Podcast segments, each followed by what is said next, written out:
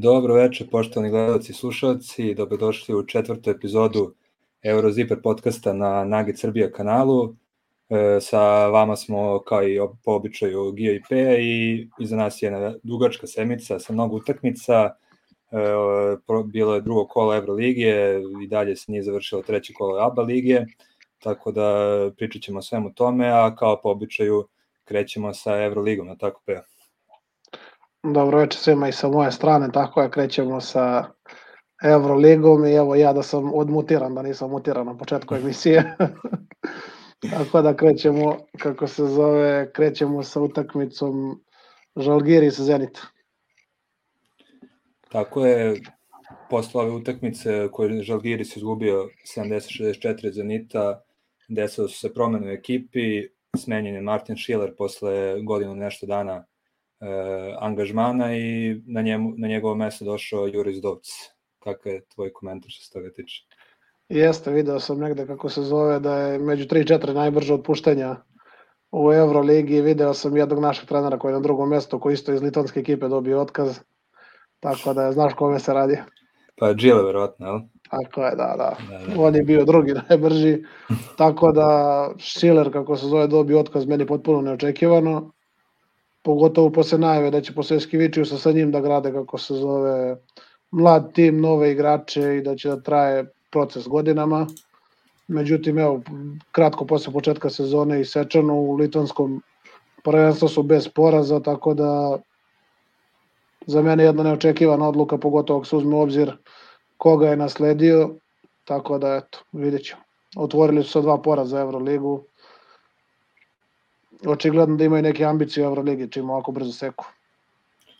I meni je to bilo baš neočekivano, s obzirom meni se generalno prethodne godine Šilerova igra, sistem igre baš sviđao, una neku novu dimenziju, nekako ono, e, pravi miks evropske i NBA košarke, pogotovo pošto je došao iz razvojne NBA lige, ali koliko sam čitao tokom leta, nešto su baš želgirisni navijači bili pesimistični tokom to, zbog ove sezone i definitivno posle ova dva poraza je sve kulminiralo i sad sam baš pročitao uh, izjavu ovog generalnog menadžera Žalgirisa da, je, da su uh, poželi da, da smene Šilera da bi došla neka, kako oni kažu, čvrsta ruka i doveli su Jurija Zdovca, a sad uh, nekako, kao što si ti rekao, meni, meni se to meni to ne, neće doneti po, po mom mišljenju neka veliku promenu u njihovoj igri, pogotovo o, ekipe Jurija Zdovca mi se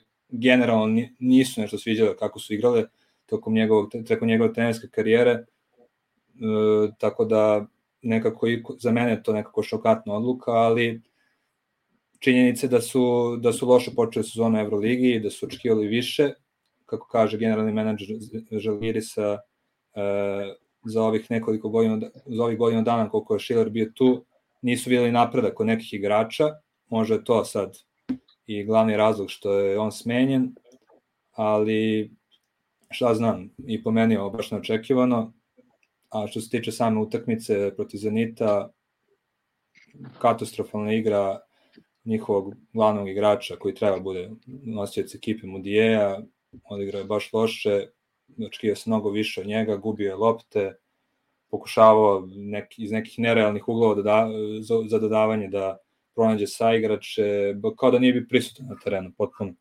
Tako da baš, baš e, loše, loše otvaranje sezone za njih. I samo 12 minuta, na sve to loše otvaranje se i Lovern poredio, tako da ja sam mislim sam pročito negde oko mesec dana da je pauza, Tako da, kako se zove, eto, nadam se da će šansu da dobije Marek Blažević. Ili Blažević, kako već, nadam se da će dobiti šansu, kako se zove, da dobije minuti da vidimo njegov talent u Euroligi. Da, moglo bi ta, tačno tako, a eto, nekako činilo mi se da baš kad je Lovern na terenu su nekako imali energiju neku, pogotovo na ovoj utakmici, otvorio dobru utakmicu, imali su ono e, dobru akciju što se meni mnogo sviđa, na, tačno na otvaranju utakmice pri podbacivanju igra se onaj leđni blok za centra koji trči e, ka košu i dobije liup sa centra i ono nekako baš e, razigra publiku u tom momentu baš na otvaranju utakmice. To su radili baš sa Lovernje na početku meča.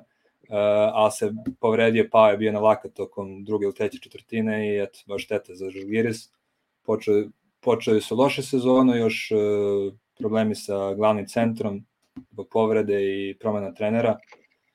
Ne znam, baš, baš, uh, baš sam očekivao više od njih, a ono, mogu bi, teo sam da pohvalim baš što mi se svidelo kod Zenita, baš su dobro branili Mudije prilikom pick and rolla, e, baš su, centri su mu dobro izlazili na njegovu polu distancu koja je njegova možda najveća oružje e, i nekim tim situacijama kad su mu iskakali, nekako su ga zbunjivali i mora da traži neka alternativna rešenja e, za, za koje se, se videlo da nije bio baš pripremljen, tako da njegov, njegov, njegov doprinos mora da bude veći, sad vidjet ćemo kako će to biti s novim trenerom. Pa vidjet ćemo, biti svako zanimljivo, a što se tiče Zenita, Lloyd je odigrao jednu od onih njegovih utakmica kad ne vidi sem koša, prst pred okom što se kaže, tako da biće, biće kako se zove zanimljivo kako će se on prilagoditi kad dođe Shabazz Napier, kad Lloyd bude mogao da igra igru koju mu najviše odgovara, odnosno sa, da igra kao skorer i da rešava sa par driblinga, Jordan Miki, što bi ti rekao, nastavio da igra kao Miki. Tako da... Tako da to je to, mislim, u suštini znamo šta da očekujemo od jedne i od druge ekipe, nadam se samo da Žalgirić neće odlučiti da proigra u Beogradu, tako da, eto. Miki baš nije mogao da, da mrdne od, od ratnog veterana Žalgirisa i Angunasa na utakmici.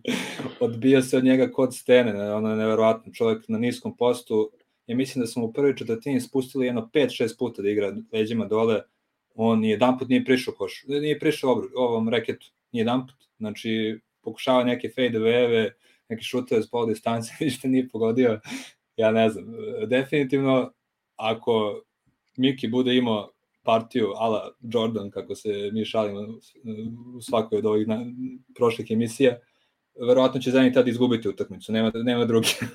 Pošto pobeđuju sad dok on, dok on loše igra, a kada on bude izdivljio, mislim da za Zenit možda će zabeležiti svoj prvi poraz ove godine. Ne, pa šalu na stranu, kako se zove. Ja stvarno mislim, pogotovo sad dok se Napier ne oporavi, jer opet Napier neko će vratno uzimati veliki broj šuteva i dosta će imati loptu u svom posedu. Ja stvarno očekivao da će Miki i Lloyd da budu tu glavni skoreri, ajde, Lloyd igra njegovo, ono, u talas ima jednu utakmicu, hladno, toplo, ima dosta oscilacije za vreme utakmice, ali Miki niko da se pokaže, niko da odigra jednu utakmicu još od onog super kupa u Rusiji, tako da ja stvarno očekivao više od njega, a zanimljiva mi je raspodela minutaža na poziciji 5 u Zenitu. Tu Poitres i Gudajtis koji bi trebali da dele minute, bukvalno od utakmice do utakmice zavisi ko šta i kako i prošlu utakmicu je Gudajtis igrao 25 minuta, evo sad je igrao Poitres 25 minuta, tako da dva različita centra i sigurno vrlo raznolika je na, na tim pozicijama.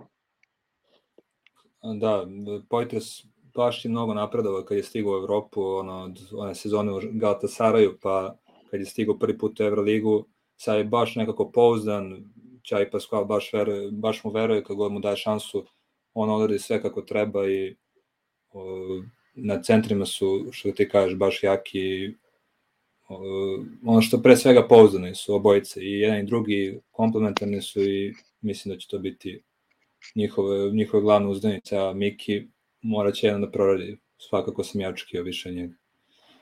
Jedno što bi, što bi još dodao standardnog kvalitetnog, kvalitetne partije Ponitke, dečko stvarno pravi, ono, najveći ratnik Ćavija Pascal u ekipi, radi sve što treba i, i one prljave posle što se ne vide u statistici, e, pomaže u organizaciji igre kao što je radio to i prošle godine i ono, od njega uvek očekuješ od, uvek da ono što se od njega očekuje, nikad, nikad manje od toga. Jeste, možda da spomenemo šutarski trening Bilija Berona, 3 od 9 za 3, tako da i on je krenuo polako još prošlo kola zagreva ručicu. Zanima, zanima me samo protiv koga i kada će to eskalirati, ko, kome će, kako se zove, dati 7-8 trojki. Tako da, što se mene tiče, možemo polako da pređemo na sledeću utakmicu. Može. Sledeće je Pao Fenerbahče, ka, ono, kakva završnica, ono se, ono se redko viđe, ja mislim, ja ne znam kad sam poslednji put vidio šta se, šta se desilo Fenerbahče. Nisam morao kad sam gledao, majke. Ono je stvarno bilo nevjerovatno. A s druge strane, od, od, iznenadio me i pa Nikos posle onakog lošeg starta sezone. E, nije to sad, nisu oni nešto sad igrali lepo i nešto specijalno dobro, ali su, nisu se predavali.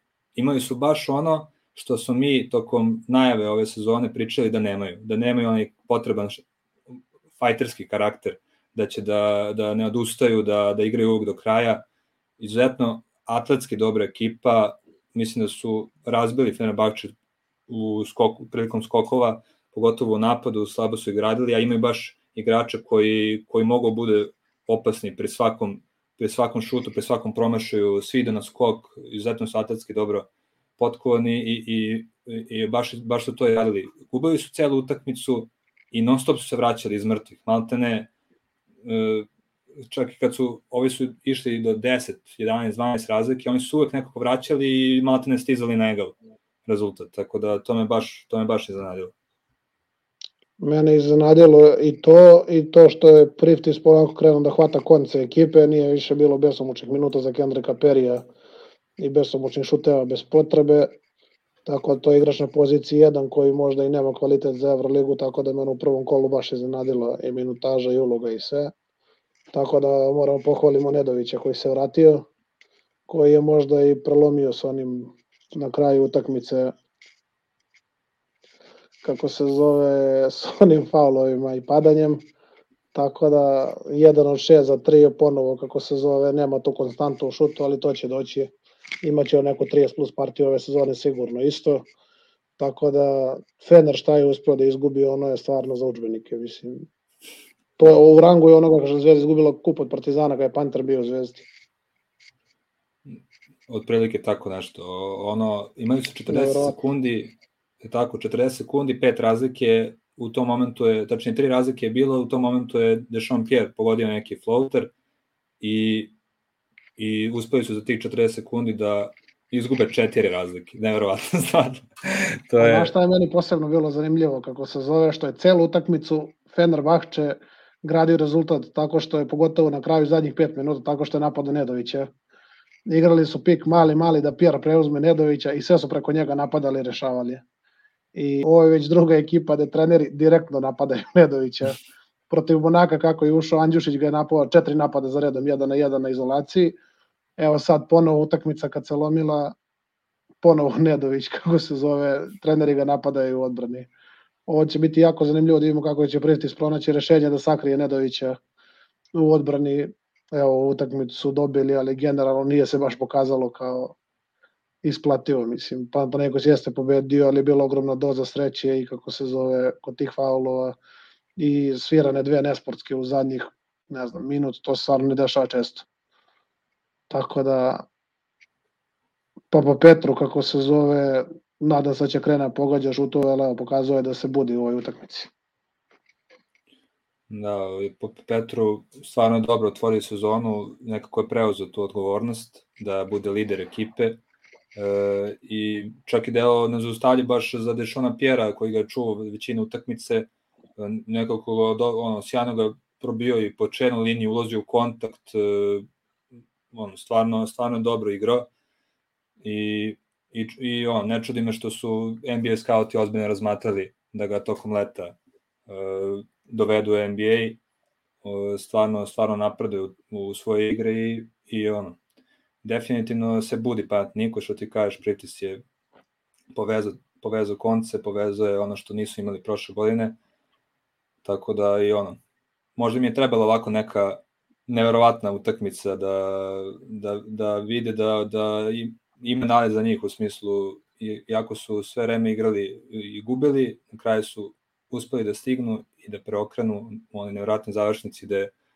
gde su svirali dve nesprotske kojih može se reći da su obe, da su obe bile, da su sudije bile u pravu, ali prilikom one prve nesportske Gudurića, e, mislim da su bili čisti koraci ovog Derila Mejkona, znači ono, što najgore, ono sudije u tim situacijama jedva čekaju da Amerikancima koji prvi put dođu u Evropu sviraju takve stvari, ono su bili čisti koraci u polasku i onda Gudurić pravi pa blago rečeno glupost, ono, zna se već koliko, koliko godina se zna već da, da su to čisti faul, ono, nesportski faulovi, on je bukvalno ono, ono old school uradio, samo ga je pipno da bi digo ruku i da mu se svira faul i naravno sudije pogledale snimak i svirao nesportsko što je bilo sasvim legitimno, a onda drugo, još jedna glupost od, od Bukera, ne znam, ne znam čemu potreba za onim laktom prilikom onog probijanja bloka Nedovića, mislim, neverovatno, stvarno da poludi čovjek.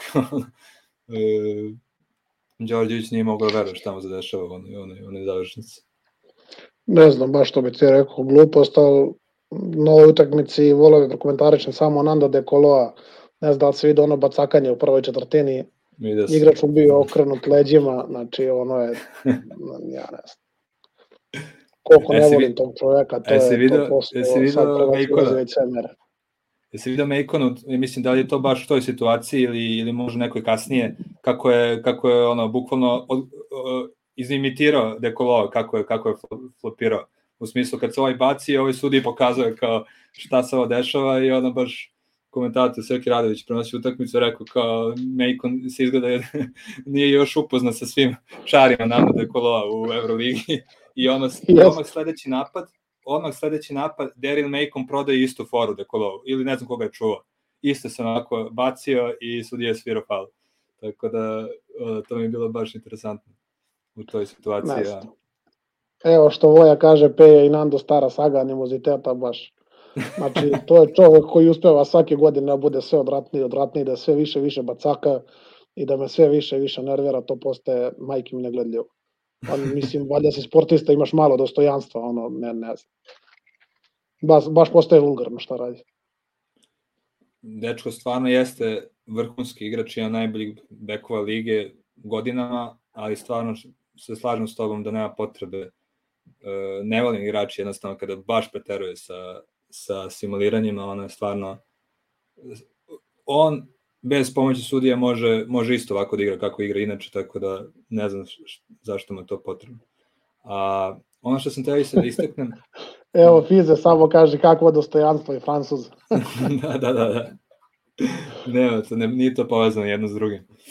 E, jedno što sam teo još da istaknem, e, da mi se sviđa kako, kako Đorđević ukomponovo Veselog i Bukera da igraju zajedno, da Veseli mnogo više igra na četvorci sad nego na petici kao što igra tog prethodnih godina.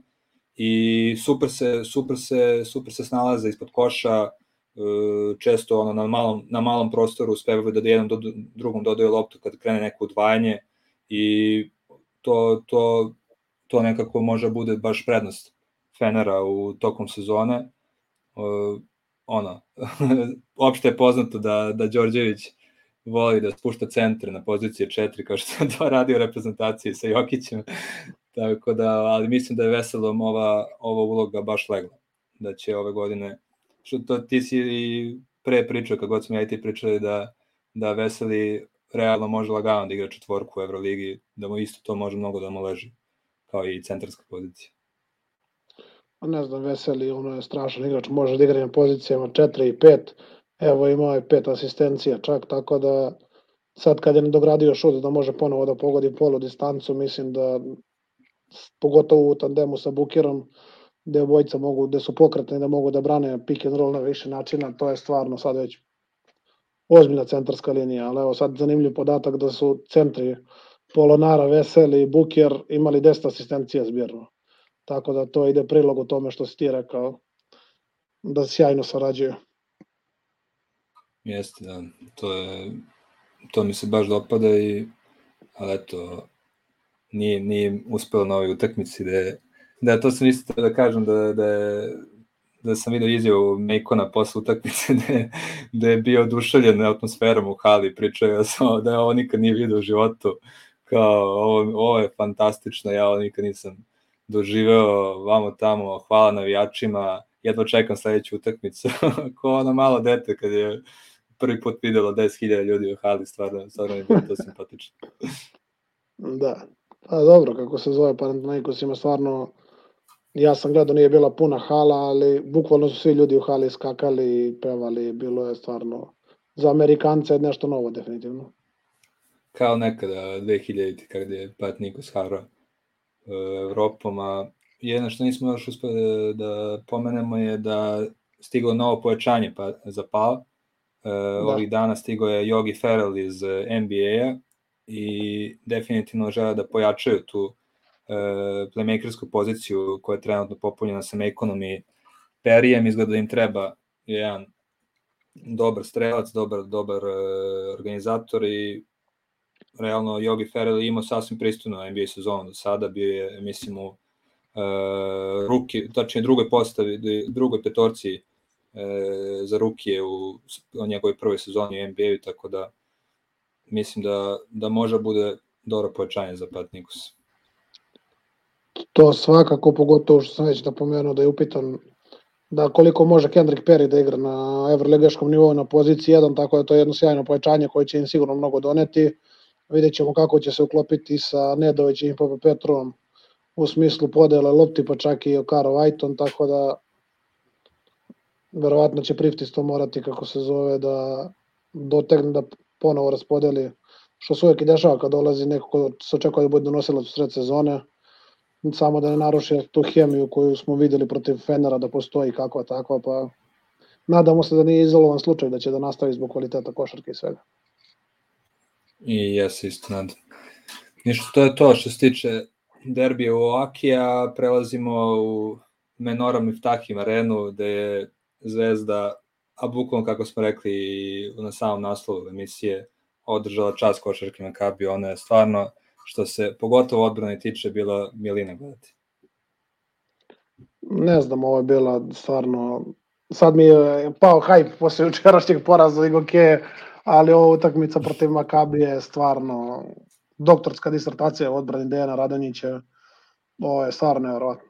Kako su ljudi igrali odbranu i s kojim su agresivnošću i s kojim su tempom odigrali celu utakmicu, to je veliko pražnje energije, velika potrošnja, stvarno ne znam, on treba onu odbranu Deja Radonjića treba izučavati, pogotovo što sad ranije kad je bilo u Zvezdi, imao je neki drugi sistem, sad vidim da je pokupio neke principe pack line tako da pogotovo kad je Kuzmić na pet, tako da suludo stvarno. Pogotovo sad kad je, kako se zove, bila petorka sa, na dvojci da je bio Stefan Lazarević, da je Kalinić bio na tri, Davidovac na četiri. Ogromna petorka. Tako da im treba napomenuti Stefana Lazarevića kako je sačuvao Vilbekina. U, da, Tako da, uz Luku Mitrovića po meni igrač utakmice. Iako će neki da spomenu Voltarsa, ali meni su definitivno Lazarević i Mitrović te koji su prelomili. A moraš priznati, nevjerovatna partija Voltarsa, stvarno. Što je rekao Radanić, najbolja njegova partija u, u Zvezdi od kad je stigao. Ne, ne, ne računjući samo ovu godinu, nego već i onu prvu. Ono znači, bude za da kažem da i nije teško da bude najbolja. Šalim se kako se zove. Pa odigre Volter sjajno stvarno, ali mislim da bez ove dvojice stvarno suludo. A Volter sam moram, kako se zove, da pohvalim jer je postao mnogo čvršći odbrani nego što je bio ranije. Tako da i dalje ima neke situacije da mi izbaci iz takta kad loptu dribla po 23 sekundi, onda uvali nekom u zadnji sekundi ili kad iz pika ne uradi ništa konkretno, nego 17 puta vraća isti pik, to mi izbaci iz takta u sekundi. Ali ova utakmica je bila stvarno vrhunska što se tiče Voltersa i što se tiče a cela ekipa, apsolutno niko nije loš odigrao, stvarno. Luka Mitrović je bukvalno školovo centre Makabija i drago mi je što se dečko vraća konačno, samo ga povrede za obiđu i bit će super sve. E, će trebati uopšte taj centar što se pomenje za zvezdu ili, ili jednostavno se završi sezona sa Lukom Mitrovićem na centru. Stvarno dečko igra vrhunski, ono, nevjerojatno kako se prilagodio. Pa vidi, po meni treba sigurno i kad se vrati Vajt i kad svi budu zdravi, sigurno da treba jedan centar koji će da bude, kako se zove, primarna opcija na toj poziciji, da uz Mitrovića i Kuzmića, pogotovo Mitrovića koji dečko je pokazao da može da bude nosilac, da se sezona privodi kraju veliki broj utakmica i pogotovo što su stakleni Mitrović i Kuzmić i Cirbes koji je zadnju ozbiljnu sezonu igrao pre pet sezona. Sigurno će na njega posle 3-4 meseca ozbiljne košarke to ostaviti traga na njegovo telo, tako da mislim da je jedan centar obaveza i ukoliko bude para, po mogućstvu neki playmaker ja bi bio zadovoljan, presrećen. Ono što smo, što smo već rekli za odbranu, bilo mi neverovatno kad sam baš video neki napad, ono što smo što se posle vrtoje na društvenim mrežama kada su kada je Makabi u jednom momentu napravio prednost, napravio višak, krenuo da ide distribucija lopte po po spoljnoj liniji i oni su uspeli da izrotiraju savršeno na svakog igrača, da svi stignu sve i da na kraju pri isteku napada, znači u poslednjoj sekundi e, tog Makabijevog napada, da Wilbekin šutira trojku preko dve ruke s 10 metara. To je bukvalno bilo ono da se na seminarima pokazuje kako treba kako, ono, kako treba igrati odbranu, kako, kako, su, kako su timski dobro odigrali u, u, tom, u tom napadu Makabija i ono je bilo stvarno da se, da se jednostavno aplaudira posle, posle onake posle onakve sekvence, ono je bilo nevjerovatno meni stvarno. Jeste, ključni trenutak te odbrane ponovo Stefan Lazarević koji je ostao između dva igrača i blicovo jednog i stigao da vrati na Vilbekina, dok se Davidovac podigao na tog drugog, znači stvarno doktorska disertacija Deja Radanića, onako odbrana sa onokom energijom i onako igrati stvarno, ja sam odušen, ne znam da kažem, ono je stvarno, meni je jasno da ne može onako da se igra svaka utakmica, ali ono je stvarno bilo doktorski, stvarno šta drugo kažem. I u napadu isto, onako, e, igrali su mirno, ono, vrlo precizno, tačno se znalo šta se napada u svakom napadu, e, fascinirala me jedna situacija kada je bio istek napada Zvezde, Kalinić prima loptu na, na trojici, opet pokušava nešto da iskreira sam i odluči se na dve sekunde do kraja napada da se okrene leđima, ne znam koga je čuo, da li Ziv ili možda čak Wilbekin u toj situaciji, okrene se leđima, napadne Ziv, pomogne sa prvog pasa i on izbaci pas Dobreću koji u zadnje sekundi napada, tačno kad treba izbaci loptu i pogodi trojku. Znači, neke situacije se delalo kao uopšte nisu paničili, ako bila puna hala, navijanje, e, bilo je onako, da kažeš, pravi, pravi, ona, prava derbi atmosfera, ali igrali su tako kao na treningu, potpuno mirno, iskusno, to me baš, to me baš oduševilo. Jeste, pa dobro, to je iskusna ekipa, mislim, ok, to su igrači koji su tu 10 godina u Zvezdi, pogotovo Kalinić i Dobrić, znamo koje akcije pričaš sa 45 stepeni, kad je na kraju da. utakmice Dobrić dao trojku, to je Zvezda, to jeste i Zvezda to traži da napada mis mečeve u napadu, međutim uđe u problem kao protiv Gokeje kad su ti mis mečevi bili neutralisani, fali neko ko će da kreira i ko može da izmisli poene u određenim trenucima, tako da no, protiv Makabija stvarno sve funkcionisalo na sjajnom nivou. ono što bi još samo pomenuo, da sam uh, ipak malo promašio sa Iftuhom Zivom koji je odigrao kriminalnu utakmicu protiv Zvezde. Čak i u jednom momentu Darko Plavžić sa sport kluba koji je prenosio utakmicu rekao da li, zapitao se tačnije da li Iftuh Zivi posjeduju neke kompromitujuće snimke Janisa Sferopolosa, pa zato je i dalje na terenu čovjek je sve što radi bilo je pogrešno, jedan šut nije mogao pogodi, e, gubio lopte, stvarno ono, izvinjavam se svima na moje proceni, ali mislim ja se, ja i dalje šalim strano, mislim da, da dečko ima određeni kvalitet za ovaj nivo košarke, ali ona, ova utakmica protiv Zvezde je bila stvarno kriminalna s njegove strane. Da, pa... Makabi, kako se zove, živi i umira opet od Skotija Wilbekina i definitivno je on tu da dovedu Lebrona Jamesa i on vjerojatno zavisi od Skotija Wilbekina. Tako da čim se, kako se zove, Scott Wilbekin uspori, cela produkcija Makabija pada. Cele ekipe naneli očigledno nije doneo to što smo i mi očekivali i što su verovatno Makabiju očekivali. Reynolds, još jedna bleda utakmica, pored, kako se zove, posle Bajerna, tako da evo, Lesori unio neko živo, sad vidjet ćemo koliko je to ono što je sigurno delo je mnogo bolje nego zadnji put kad igra Euroligu. Jeste, Lesor je baš napredovao, pogotovo prošle godine u Monaku kad su osvojili Evrokup. Nije to taj isti više Lesor iz perioda Zvezde, e, dosta da. pouzdaniji i, i eto, što si ti rekao, mnogo se bolje pokazao na svom debiju nego što je Reynolds uradio za Makabi od početka ove godine. Tako da vidjet ćemo kako će to izgledati dok se i Žižić ne vrati. Da li će možda da Lesor dobije prožetak ugovora, a Reynoldsu da skrate na nekih dva meseca ugovor. Kako su krenuli, može se tako dešta da se. Ali šalim se, naravno. Mi ćemo posle one dobre utakmice protiv Bajerna i preokreta velikog, loši utakmice protiv Zvezde, ali to je i naravno činjenica da je Zvezda da je Zvezda naterala da igraju tako kako su igrali. Definitivno. Tako da kako se zove, da je čak i Sferopoulos u intervju za onaj zvanično za, za utakmicu Euroligi kao rekao je kao Zvezda je nametnula tempo koji nismo uspeli, nismo mogli da ispratimo, tako da E sad zamisli ekipa sa Wilbeckinom i Williamsom i ne znam Reynoldsom i Lesorom da ne može da isprati ritam. Upravo to. Ja da sam trener te ekipe, bile bi oni stari srpski običaj trening sutra u pola pet, tako da. Upravo tako je, naravno.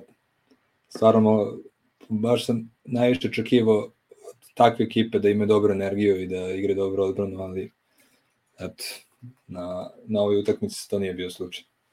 Da. Ništa, da nastavljamo dalje. Sledeća je, čini mi se, Bayern-Barcelona utakmica, ali tako? Tako je. Izuzetno, izuzetno fizički jaka Barcelona, ona je stvarno neverovatno igraju čvrsto, atletski su veoma moćni i sve one prve četvrtine da je bilo da je bilo neizvestno, mislim da su rutinski dobili ovu utakmicu. Bajernu definitivno mnogo fali Vlada Vučić, znači on je sad, ja mislim, odradio nekog da kaznu kluba ili lige, nisam siguran, nisam baš najbolje to uspeo da, pro, da provalim, ali zbog onog isključenja protiv Albe u finišu uh, Bundeslige, je, u finalu Bundeslige je dobio kaznu i, i mislim da je ispoštovao to koliko treba da pauzira, ali sad je opet nešto blago povređen, tako da njima baš fali ta čustina koju donosi Vlada Lučić i na parketu a, i mislim da će morati što pre, mislim nadam se da će što pre vratiti Paul Zipser koji mi isto veoma bitan igrač baš se videlo u ovoj utakmici jasna tendencija Barcelona da se spušta loptu na centre zato što su u manjku u toj poziciji što se tiče ekipe Bajerna i Davis i Mirotić su odigrali stvarno sjajno. Ono, baš rutinski u njihovom stilu, što se kaže.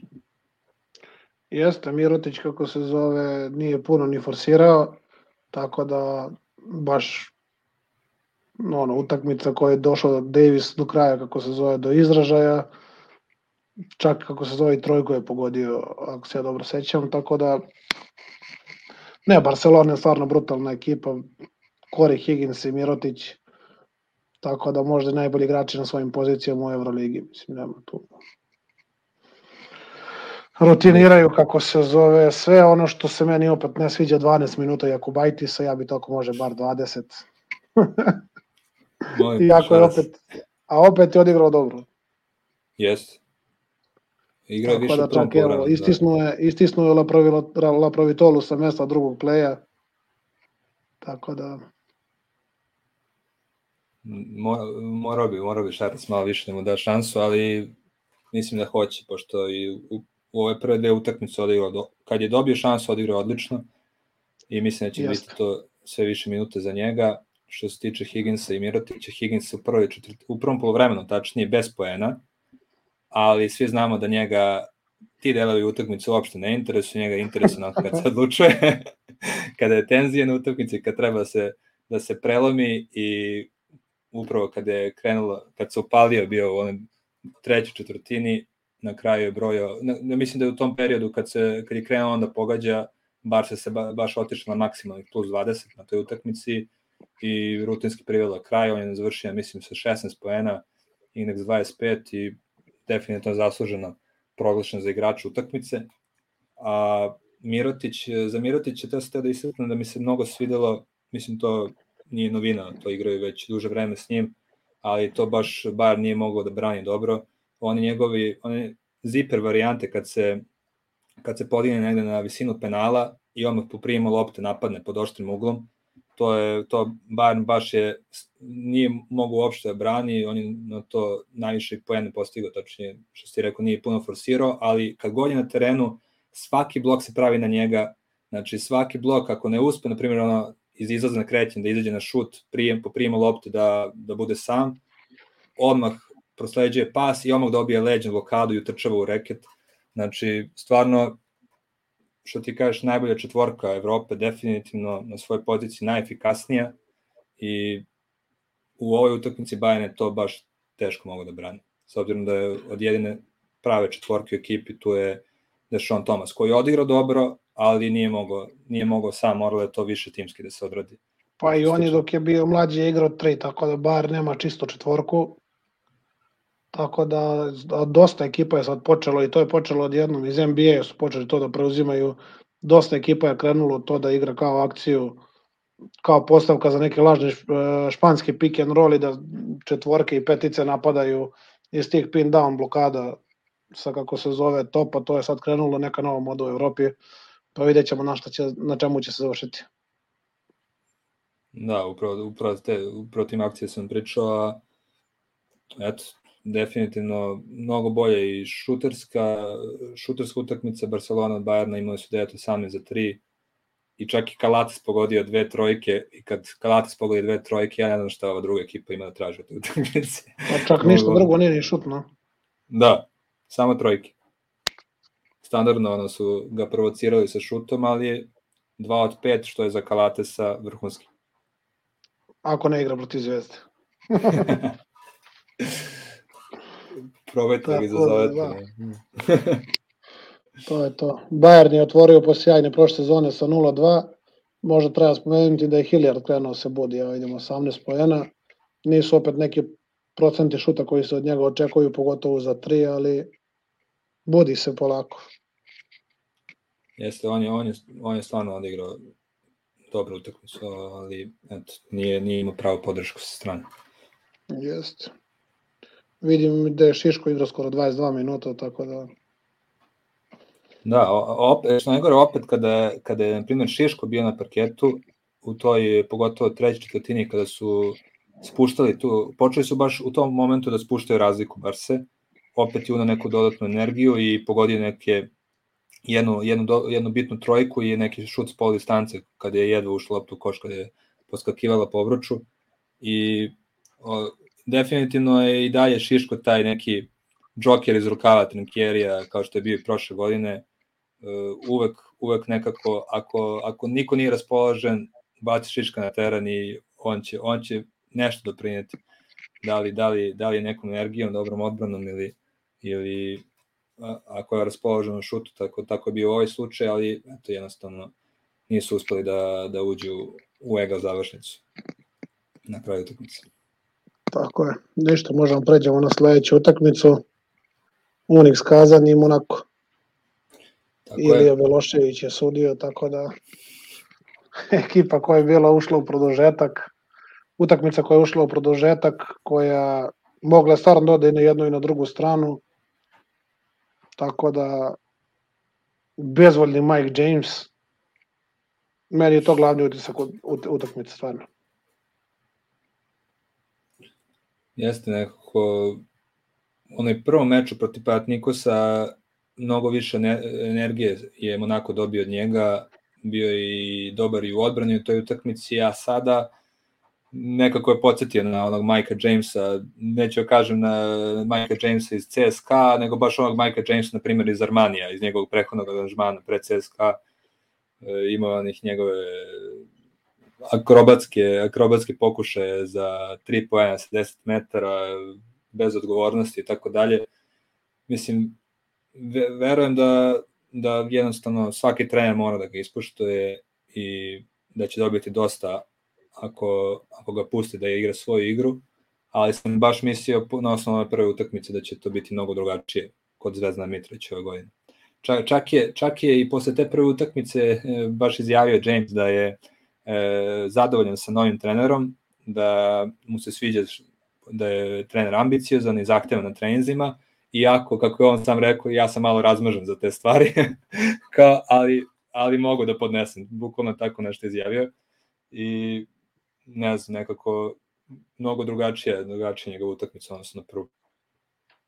Opet je on stigao do 16 šuteva, ok, uzeo je dosta u produžetku, ali baš bezvoljno. Ja da sam u saigrač, mene bi iznervirao, mislim. Uzme otvoren šut, neće da uzme, onda uzme neki nemoguć šut u odbrani, jednu odbranu izgrize, bukvalno odigra maksimalno, onda ga tri odbrane nema nigde. Onda se pogubi negde, ovaj playmaker Westerman, na primjer, prevede loptu, on dođe posle 10 sekundi zakašnjenja, se priključi napadu. Ne znam, baš, to mi je glavni utisak utakmice, da je, on, da je James bio na, na njegovom nivou, ja mislim da bi to bilo rutiniranje. Bio mi baš zanimljiv duel između njega i Isaiah Kenana uh, u nekim situacijama, Jest, pogotovo od momenta kad mu je, kad mu je Kenan lupio onu rampu i kad ga je onako mrko pogledao ono, sa visine dok je ovaj bio na parketu. Definitivno Isaiah Kenan živi od tih situacija, voli trash tokove i upravo se tad i budi on u utakmicama nekako, ono, nema ga nigde i onda traži neki e, da se zavadi sa nekim da bi da bi se onako boostovao sam sebe u, i da krene da, da igra normalnu utakmicu i tako je bilo i sada. Opet je krenuo da igra od tog momenta kada se malo razbudio posle te situacije, tako da mi to bilo baš zanimljivo posle da, da gledam njihove, e, njihovo, njihove međusobne duele jedan na jedan u svakom napadu kad se igrali. Jeste, a mene ovo, da. A Isaiah Kenan opet nije mogu, kako se zove, pogodi šut za tri poena, ali jedan van serijski igrač i presma što im bilo, pogotovo što su njih dvojice igrali zajedno u Phoenixu, ja mislim, kako se zove, ta situacija između njih dvojice, da James koji je bezvoljan, mislim da mu se ne živi, i ovaj koji ga mrko gleda iza njega, znači... Ali moram da napomenem da me oduševio Dante Hall, tako da je jedna sjajna utakmica i otkrovenje za mene, ja ga pre ovoga nisam gledao. Stvarno jedan igrač koji može mnogo u evropskoj košarci. I mene isto baš oduševio, jako je brz i skočan, znači i ono što se kaže igra sjajno iznad obruča i pravo ti kažem i mene oduševio jer ga u NBA-u nisam imao prilike puno da gledam jer je uglavnom bio uglavnom je ulazio na teren kad su bile one blowout situacije, tako da mislim da će svakom centru u Euroligi biti on ozbiljen protivnik. Dečko stvarno igra, stvarno je pouzdan i ono, što najviše voli kod centara, kad se dobije lopta pod košem, oma se ide gore na zakucavanje, nema puno razmišljenja, tako je slučaj kod njega, tako da e, slažem se s tobom, baš, baš dobro pojačanje za Monako, svaka čast na, na odabir. Jeste, Andjušić je kako se zove, nije ga slušao šut za tri pojena, u prvoj četvrtini je dao osam i posle tek u produžetku dva bacanja.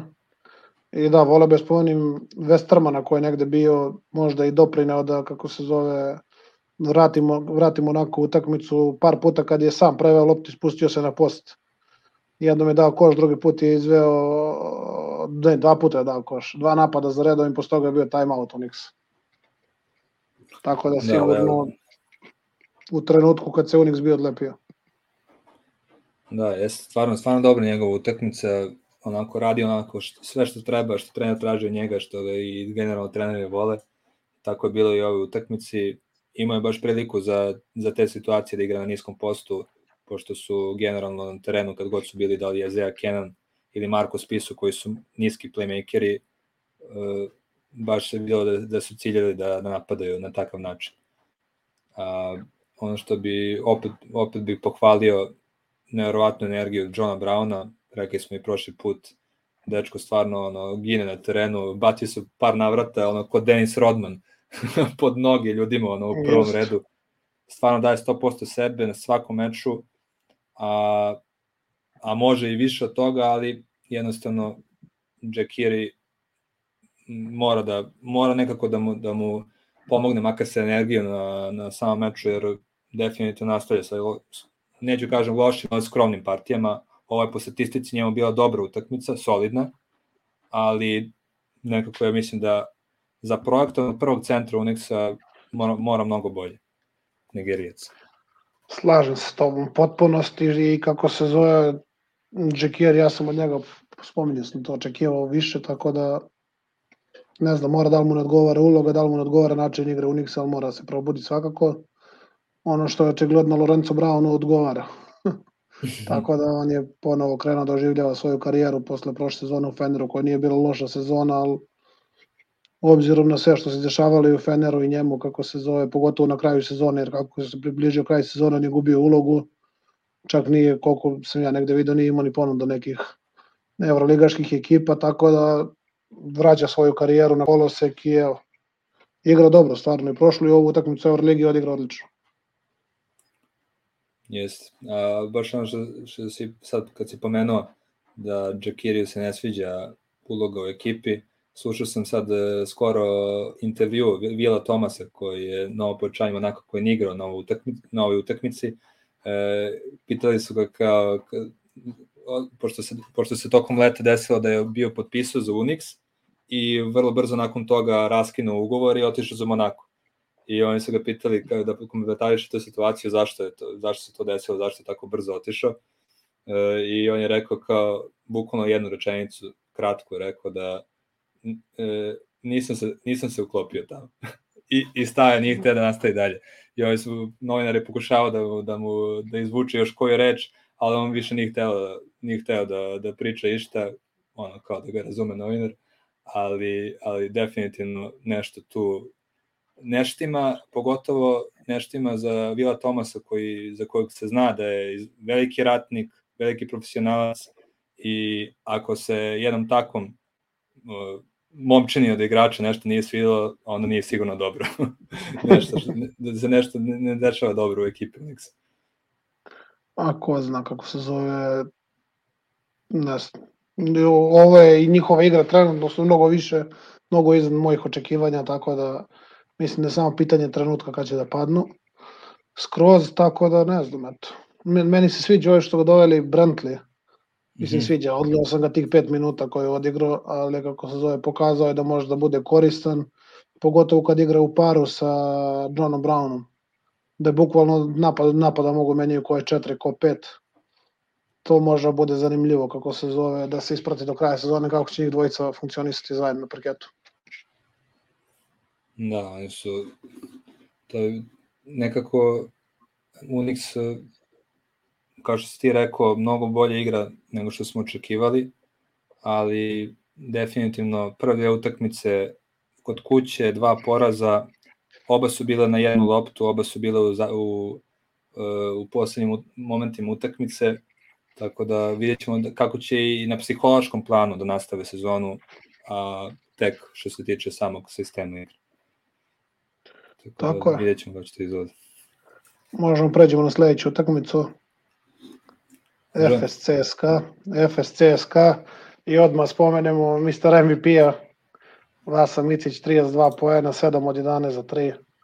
Jedna brutalna partija kako se zove, nažalost nije bilo kako se zove, eto dovoljno da se ostvari pobjeda.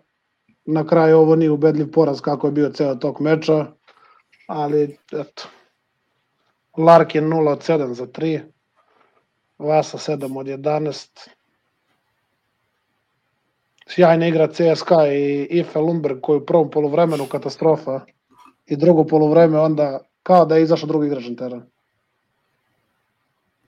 Bukvalno, ono, čak je u jednom momentu kada, je, kada su, mislim, došli do nekih 15 razlike, baš pre, pre nego što je Efes krenuo da ih stiže sa ovom serijom, ne znam, 13-3, koliko je već bilo, e, šutira trojku iz ćoška, cela hala zviždi i video sam da neki navijači koji su bili dakle, u prvim radovima su nešto u tom momentu stajali i nešto su mu dobacivali, on daje trojku i okreće se i nešto im odgovara. to mi je bilo simpatično, baš je onako pokazuje da, da, da ume da igra čvrsto na ovom nivou, da, da je veoma pouzdan za ekipu i Tudisa i Tudis ga deluje mi da mu baš veruje i on ga iz ove prve dve utakmice odigra fenomenalno. Mislim da je u prvi utakmici ima 23 poena, sada 17, stvarno svakom čast e, prava, prava i dobra zamena, tačnije i dobra, dobro funkcioniše zajedno sa jednim igračem kako je Aleksi Šved. Jeste, jeste. Stvarno, pogotovo njega su iz Ludvizburga doveli, je tako? E, iz Zelene gore. Zelene gore, da. Iz Zelene gore, pobešao da. Ali opet, mislim, još gore igrača su izvukli iz takve ekipe koji se ovako brzo prilagodio na Euroligu. Potpuno novi nivo, tako da moj ljubimac, mislim, još od prošle sezone, tako da... interesantno je da, da je baš u toj Zjelenoj gori koje je vodio Jean Taba, koji je sad, mislim, prešao da vodi ovaj Burgos u Španiji, e, kad mu je stigu u ekipu, prvo je bio ono, malo neki defanzivni specijalac, uglavnom igrao zadužen bio za odbranu i za, da kažem, ono, ko da, što se kaže, iz spot upa da šutira u momentima kad ostaje sam, ali od kad je stigao Jean Tabak u ekipu, bukvalno mu je dao loptu u ruke i tako se i preporučio CSKA da koji ga doveo tokom sezone. Odjednom je postao ono, glavni ball handler ekipe i lider i samo nastoje tako da igra u CSKA. Pogotovo je treba mu skinuti kapu jer je stigao u momentu kad je Mike James otišao iz ekipe i, da. i on je sa svojom ekipom došao do Final Fora i ako se posle povrede Milutinova i odlaska Jamesa to i nije toliko očekivalo, on je u takvoj ekipi dobio veoma bitnu ulogu i na sjajan način nagovara. E, govara poverenju i tudi sa kojemu je onda. Jest. Tako kako se zove, pogotovo to što si ja ti rekao, uz to što si napomenuo da se sa Švedom sjajno slaže, da se nadopunjuju, da je Šved ima definitivno manje loptu rukama nego što je naviko i uzima manje broj šuteva, ali eto, ta, kada smo se prethodno tokom prethodnih sezona pitali kako bi izgledao Šved koji igra za ekipu i ogledu ekipe, evo, imamo odgovor i po meni to uopšte loše ne izgleda. A, Clyburn, standardno vrhunska partija i Voigtman. Voigtman, mislim, ako ja dobro sećam da ima čak 7 asistencija. Jeste. Ja, pa da, tako da CSKA igra ono što smo i pričali, kako se zove, kad budu jače utakmice, Clyburn, Lundberg i Šengelija 30 minuta i Milutinov kad se vrati zajedno s njima 30 minuta i jedna ratnička ekipa koja će se definitivno sa svima ono, žargonski rečeno pobiti.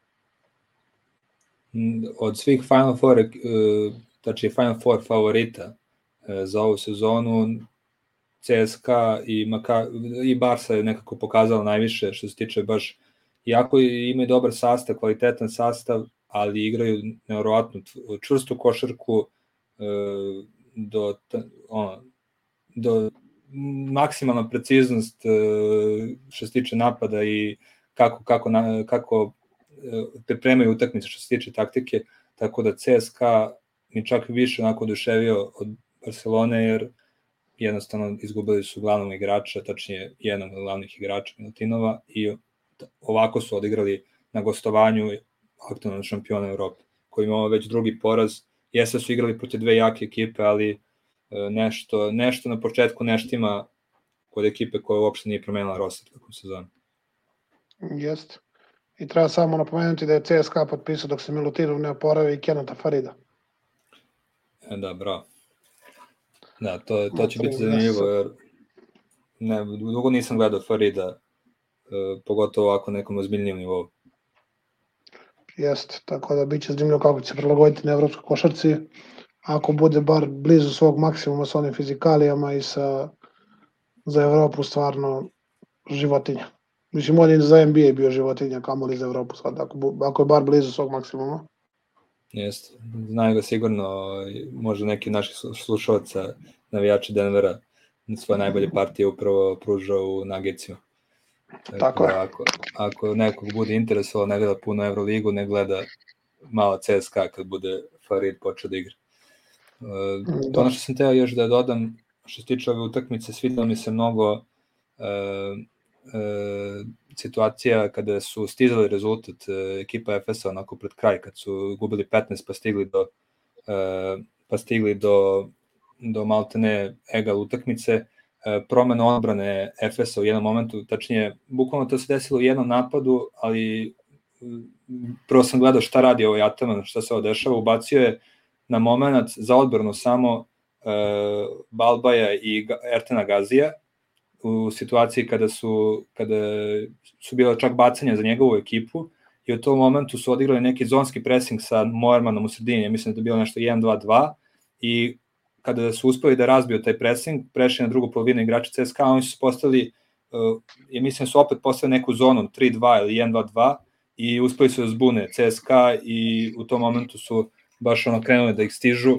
i ono nekako se izgubila ta nit kod igrača CSKA u tim pometima nekako su ih baš zbunili tom obranu, to mi je baš bilo e, baš mi se bilo svidelo to, za tu, što se tiče te situacije. Jeste, pa Efes je jedna ekipa koja se defanzivno prilagođava, može se prilagođava na mnogo različitih načina, pogotovo na centarskim pozicijama, kako se zove, da imaš Dunstona i Singletona koji bukvalno sve mogu da se prilagođavaju.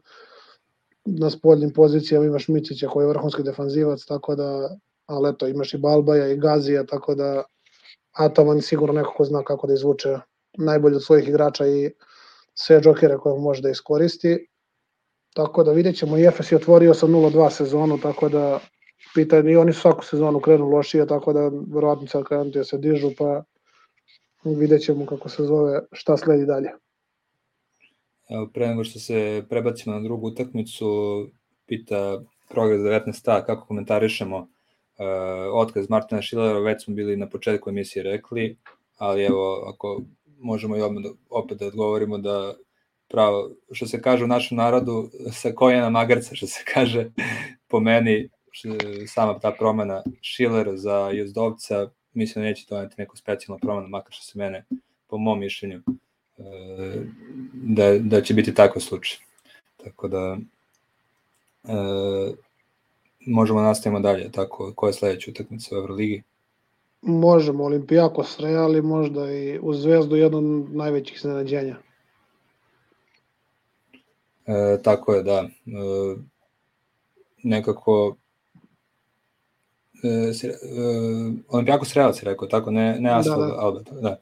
Ne, e, e, pa ta utakmica me, e, tačnije sam Olimpijakos, što ti rekao, baš iznenađuje. E, nekako vratila se nekako ona, ona, ona, onaj, onaj čar Olimpijakosa iz onih njegovih, njihovih šampionskih godina, e, kada su baš sa Barcokosom osvojili Euroligu.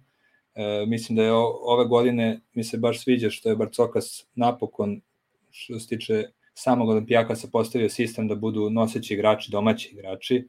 E, to su sad e, i Kostas Lukas i Papa Nikolau, i Vezenko koji je malo ne domaći igrač, iako je ima i bugarski ki, ki, i ja mislim da je rođen na Kipru i ima i grčki pasoš, tako da baš mislim da to i publika sama promećuje. E, baš i u ovoj utakmici bila i dobra atmosfera, nekako navijači su raspoloženiji nego što je to pre bio slučaj, tako da to me, to me se baš dopada kod Olimpijakosa ove godine. Da, Olimpijakos, kako se zove, stvarno vrhunski i ono što smo pričali u prošloj emisiji, definitivno ove bitnije utakmice, igrali su deo utakmice u paru sa Volkapom i s Lukasom, što je bilo, kako se zove, za očekivati. Vezenkov, moj favorit, kako se zove, uh, imao je slabi možda šut za tri poena, ali je nadomestio skokom. Jedan igrač koji mislim da će tek pokazati u Euroligi šta i koliko može i koje su mu granice. I ovo je jako zanimljiva utakmica u smislu što se definitivno videla raspodela minutaže i raspodela uloga u Olimpijakosu kako će da bude, tako da vidjet ćemo. Neverovatna energija Papa Nikolao u odbrani, dečko posle svoje možda i najlošije sezone u karijeri prethodnoj kad ima, ja mislim, nešto pet poena po utakmici, ove godine stvarno, stvarno mnogo to bolje izgleda i baš sa svojim energijom i nekako i dizo svoj tim tokom utakmice, e, sjajna rotacija u odbrani, e, trčanje kontri, nekako ono, baš se pravi, vidi kada je pravi lider ekipe i da mu igrači, da, da mu igrači veruju da, da, da se uzdaju uz njega, u, u njega i on, to mi nekako postalo baš veliki utisak u odnosu na njegov prethodne godine. Slažem se o tobom, neko koji je dugo u klubu, ko zna klub, živi kako se zove, kako kažem, živi sa tim klubom, tako da sigurno zna kako i šta i nadamo se da će nastaviti da podiže formu i da se vraća na stari nivo. Treba već pomenuo svog ljubimca Vezenkova koji je imao double-double, 16 poena, 10 skokova, ali je loše šutirao za 3 poena. To su uspevali nekako da mu, da, mu, da, da ga odbrane, jedan od 7 je imao, ali ih je konstantno kažnjavao u skoku. Znači, no, ima je ne, ne, bezbroj situacije im je skakao u napadu, nisu ga zagrađivali, dečko koji on, nije se neki specijalni atleta, ali tačno zna da miriše, e, što se kaže, ima senzora gde će padne lopta, tako da baš, e, baš nisu uspevali da, da ga na takav način odbrane i tu im je, tu im je nekako na, da zadava najveću glavobolju što se, to, kaže, što se tiče tog dela igre. Pa, mislim, Vezenkova smo već spominjali, on je bio da. u Barceloni, nije se snašao, došao Olimpijakos i on je bio proglašen, ja mislim, za najboljeg mladog igrača Evrope u jednom trenutku. Ili Euro, Kupa Evrolige, nešto tako je bilo. Tako da svakako igrač koga to se i očekuje. Mislim, produžio sad opet trogodišnji ugovor. Očigledno je da ozbiljno računaju na njega i da će oko njega da grade sistem, tako da jedva čekam da vidim kako će, kako će to da deluje. Evo, dobili smo pitanje za Tristana Vukčevića. Dečko je, kako se zove, po meni pretalentovan, bit će jedan od nosilaca reprezentacije Srbije, pošto je Srbija odlučio da igra i da Kari Pešić već računa na njega, možda čak i ovim reprezentativnim prozorima, kako zove, ako ga Real pusti. Tako da jedan vrhunski igrač sa vrhunskom visinom koji može da odgovori na dve pozicije, na četiri, na pet. Videli smo da je u španskom prvenstvu igra u paru sa Tavaresom, tako da to je stvarno prezanimljivo i jedno čeka da im kako će da nastavi da se razvija. U Realu definitivno ozbiljno računi na njega, iako nije bio u 12 u Euroligi, verovatno pitanje koliko će biti kada se vrate i Randolph i Trey Tompkins, ali imao neki svoj put očigledno i bit će jako zanimljivo da ga ispratimo na tom putu. Baš što se pomenuo, meni baš žao što, sam, što pored toga što izostaju i Randolph i, i, i Tompkins, očekivao sam da će imati svoje minute u Euroligi. U Španskoj ligi je igrao, nisam sad ispratio ove njihove zadnje dve utakmice, ali ono otvaranje protiv čini mi se da li Burgosa igrao je, imao je, imao je minutažu i bio je sasvim solidan. Ne znam zašto mu nije dao šansu u Euroligi, ali pogotovo sad, dok se ne vrate ova dvojica, ali pokazuje, kao što ti rekao, da, da će biti veoma, veoma, ima veliki potencijal, pogotovo sa pozicije krinog centra, što nam mnogo fali u reprezentaciji, e, ima, ima šut, mekanu ruku, generalno je dobro, kontroliše loptu za svoju visinu, može pokriti centarsku poziciju, tako da meni se, e, baš sam uzbuđen što se tiče njegovog napretka i volao bi, volao bi da Pablo Laso mu da i veću šansu u Euroligi, jer treba ćemo, treba ćemo ta dodatna e, treba ćemo ta nekako e, mnogo, te, mnogo minuta u, na ozbiljnom nivou kao što je Euroliga, a sećamo se da je u, baš u uh, play-offu protiv Efesa prošle godine dobio minutažu od jedan put, nije, nije, nije dobio toliko prostora tokom godine i onda je baš na najozbiljnijim utakmicama dobio, dobio minute i mislim da ćemo, da ćemo trebati mnogo više minuta za, ako želi od njega dobije nešto više i kada se lomi sezona, što se kaže. Tako je, slažem se sa svim što si rekao, tako da vidjet ćemo, meni, bit će mi zanimljivo i da li će ga i kako koristiti i Kari Pešić kroz reprezentaciju, pošto je već najavio da ga planira, tako da vidjet ćemo.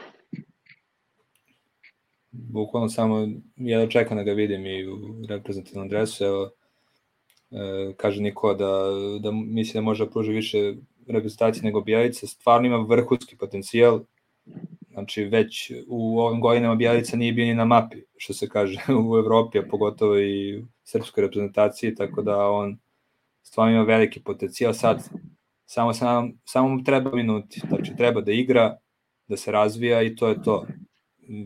Mislim da je posjeduje veliki, veliki potencijal i ono, samo da, da ga vidimo, da ga vidimo češće na parketu. Eto.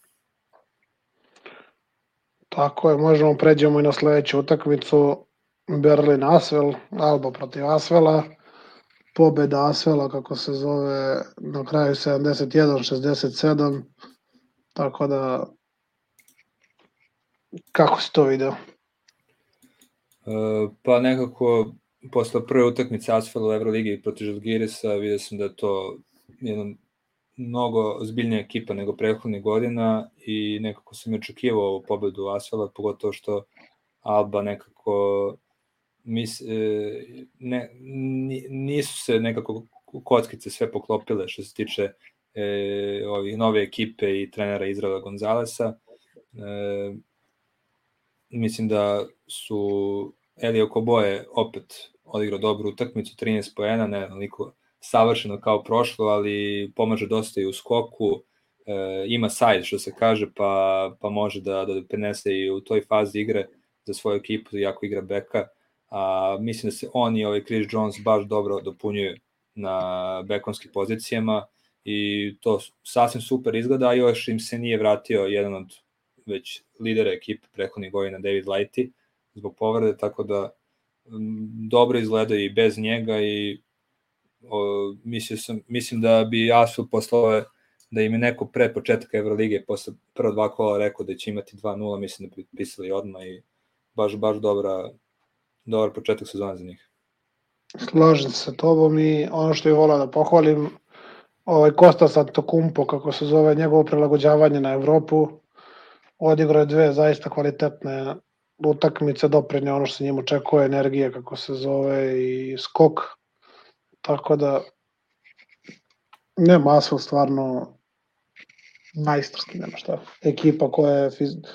sklopljena s ozbiljnim fizikalijama, sad još je Gist došao na poziciji 5, tako da imaju tri skroz različita centra, Jusupo Fola, Gista i Ato Kumpa, tako da biće zanimljivo kako se zove ispratiti razvoj ove ekipe tokom sezone. Svakako sjajan početak za njih. Očekivano kako se zove, za mene su pobedili ovu utakmicu i negde Alba je sad za vikend izgubila i od, od Ludvisburga u nemačkom prvenstvu. Tako da posle te utakmice Izrael Gonzales je dao neku izjavu kao povređen igrač i treba mu vremena, nisu se kockice poklopile, pa eto vidjet ćemo kako će svi oni dalje razvijati i šta će bude sa njima. Da. Očekivali smo više njih, ali eto, e, definitivno mora, mora to bolje, a sad koliko ćemo trebati vremena da sve to da sve to poveže da, da ekipa zbije redove nadam se mu neće biti previše kasno s obzirom na trenutni trend e, otkaza ligaških trenera tako da počeli su, počeli su agresivno s tim, tako da nadam se da neće to i njega isto zadesiti. Pa, slažem se to u potpunosti i kako se zove, možemo tamo u tom trendu da nastavimo na sledeću utakmicu, ali ti Duško Ivanović sledeći kandidat za da bude zamenjen na svom mestu. Po, posle ove dve utakmice, apsolutni favorit. ne znam, da, ono, ono što smo očekivali od Baskonije do ove godine, sve to ne, ne možemo da vidimo na njihovim utakmicama u Euroligi. Bukvalno. Dve katastrofalno napadačke utakmice za njih, 50 poena u prvoj protiv Olimpijakosa, popuni debakl, sada samo 64 poena protiv Armanija koji je po mom mišljenju rutinirao ovu utakmicu. Tako, tako mi je delo. Jeste ono, situacijama, možda samo prva četvrtina bila e, koliko toliko da je bio egal, ali posle su se, kad su se odlepili, mnogo, mnogo, je, mnogo, je, mnogo, mi se, mnogo mi se ta utakmica, e, mnogo mi je ličila na ovu utakmicu Bayern Barcelona. E, nekako isti tok utakmice je bio, s tim što Bayern nije uspio neki, nekakav priključak da uhvati na samom kraju utakmice, da proba da, da preokrene rezultat, a Baskon je delovao da nema nikakve šanse za tako nešto. Bukvalno su ih rutinski su održavali razliku tokom čitavog drugog povremena. Mm, da, rutinirana utakmica i ono što mi je zanimljivo, evo, da napomenemo da Arman je igrao sa utakmicu sa 11 igrača, od kojih su se igrali preko 7 minuta, a Real je igrao utakmicu sa 11 igrača da su se igrali preko 10 minuta. duše Real je izgubio, ali Armani evo, bukvalno što si ti rekao, rutinira utakmicu. Mislim da se utakmica igrala tri dana da Baskonija ne bi mogla prići. Ne bi imala šanse, bukvalno. Štirali su 4-26 za 3 poena, a mislim da su da je taj procent bio i manji do samog do minut do kraja utakmice da su imali dve od 23 pogođe pripaljene trojke sam 50 kao što se već rekao 50 poena protiv Olimpijakosa stvarno neočekivano za njih. Ja mislim kad bi se kad se računaju te dve utakmice i dve utakmice u e, ACB-u imaju četiri poraza za red. E, što da. ne, ne, pamtim, ne pamtim kad se desilo Baskoni u prethodnih godina, e, pogotovo sa Ivanovićem na klupi. Mi se, najavili smo Baskoniju kao ekipu koja je unapredila sastav odnosno na prošlu godinu, ali ovo uopšte ne liči na onu pravu ratničku ekipu koju, koju uglavnom koju uglavnom tokom svoje karijere vodio i pripremao Duško Ivanović. Jeste, tako da ja sam baš neprijatno iznenađen. Tako da, nakon ništa, evo, Fonteki je odigrao dobru utakmicu, kako se zove, dobio i minute, konačno, tako da malo veća, tako da, ne znam, eto, vidjet ćemo da li će tu doći možda neke smene trenera, šta i kako će dalje nastaviti, ima da, ne znam, ova ekipa bukvalno je nacrtana za stil i način igra Duška Ivanovića, sad je zapelo šta se dešava, ne znam, ali evo, Boldwin se vratio, sad su kompletni, mislim, mislim da im niko ne nedostaje, ne znam šta je problem. Da, Baldwin koji je nakon porađaja njegove žene se vratio iz Amerike, čak i se pisalo negde, u nekim novinama da će možda da raskinu saradnju, ali se brzo je stigo demanti od kluba i od njega, ali sad nije moglo se čekuje da posle njegovog tog putovanja da sad nešto trebao dobro da odigra ovu utakmicu, ali ako neko treba da povuče ovu ekipu, da bude lider, to je definitivno on, jer e, jedni ima taj potencijal da, da, da trgne nekako ovu ekipu kao što to radio prošle godine u Bayernu. E, pomenuo si pod Fanteke da dobro odigrao, ja bih pomenuo i Giedritisa koji je jedini možda i konstantan ove godine i u odbrani i u napadu. Čovek je svuda na terenu, sve ničije lopte grabi, i jedino je on na nekom svom nivou dobro odigrao utakmicu uz Fotekija koji je napadački bio dobar. Tako da samo on nekako primenjuje ono što Ivanović želi da vidi od svoje ekipe. Eto, malo te ne tako. Da. Tako da... Bukvalno ratnik. Baš ratnik. A sa druge strane, Armani fantastično igrali odbranu, znači nisu im dozvoljavali lagani protok lopte, imali su 10 više asistencija, a generalno uvek je teško ekipama koji dođu da igraju Fernando Boes Reni, pogotovo sada kad su se vratili navijači, ali ovo je nekako delalo blago rečeno rutinski, bukvalno. Znači, ne, stvarno, stvarno loše izdanje Baskoni na, na ovom startu. Loše. Tako da sledeće nedelje možemo da najavimo da nas očekuje duplo kolo Evrolige. Tako da što se Zvezde tiče, Zvezda u sredu čeka Žalgiris u areni, u petak ide u Moskvu CSKA, tako da biće svako jedna zanimljiva nedelja. Da, imaćemo... Za sve ljubitelje košarke. Da, prava, prava poslastica za sve ljubitelje košarke, a bit će no, dosta utakmica, tako da vidjet ćemo sledeću možda emisiju da nekako izvojimo neke naj, najzanimljivije utakmice koje su najviše svidele i da o tima pričamo, pošto biće dosta za to, za priču ovih sat, sat, dva, koliko mi imamo vremena za podcast, tako da bit ćete, bit ćete obavešteni o svemu u narednim danima. Pa da, ili to, ili možda napravimo još jednu emisiju između, ali to vidjet ćemo kako budemo imali vremena i kako se bude namestilo.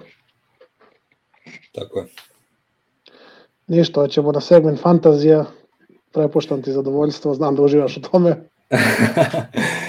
može, može, e, ništa, posle ovog drugog kola i dalje lider na tabeli naše Eurozipper Fantasy lige e, Nemanja Vojnović, sakup je ukupno 298 poena, ali treba pohvaliti i Stefana Novosela koji je bio najbolji u ovom kolu. Te prepuštam ti da, da o, ti ispričaš o njegovoj ekipi koje, koje, je, koje je predvodio Tavares kao kapitan. Tako je, čestitam Mambi na ovom kolu, kako se zove sa Tavaresom, kako se zove, pogodio sa kapitenom i svaki put kad se čujem s njim, mislim, bude priča o Papa Petru, kako treba da preuzme, kako će da preuzme, kako, evo, ispoštovalo ga i Papa Petru i to se odmah kako se zove, odrazilo i na to da bude najbolji u ovom kolu na fantaziju.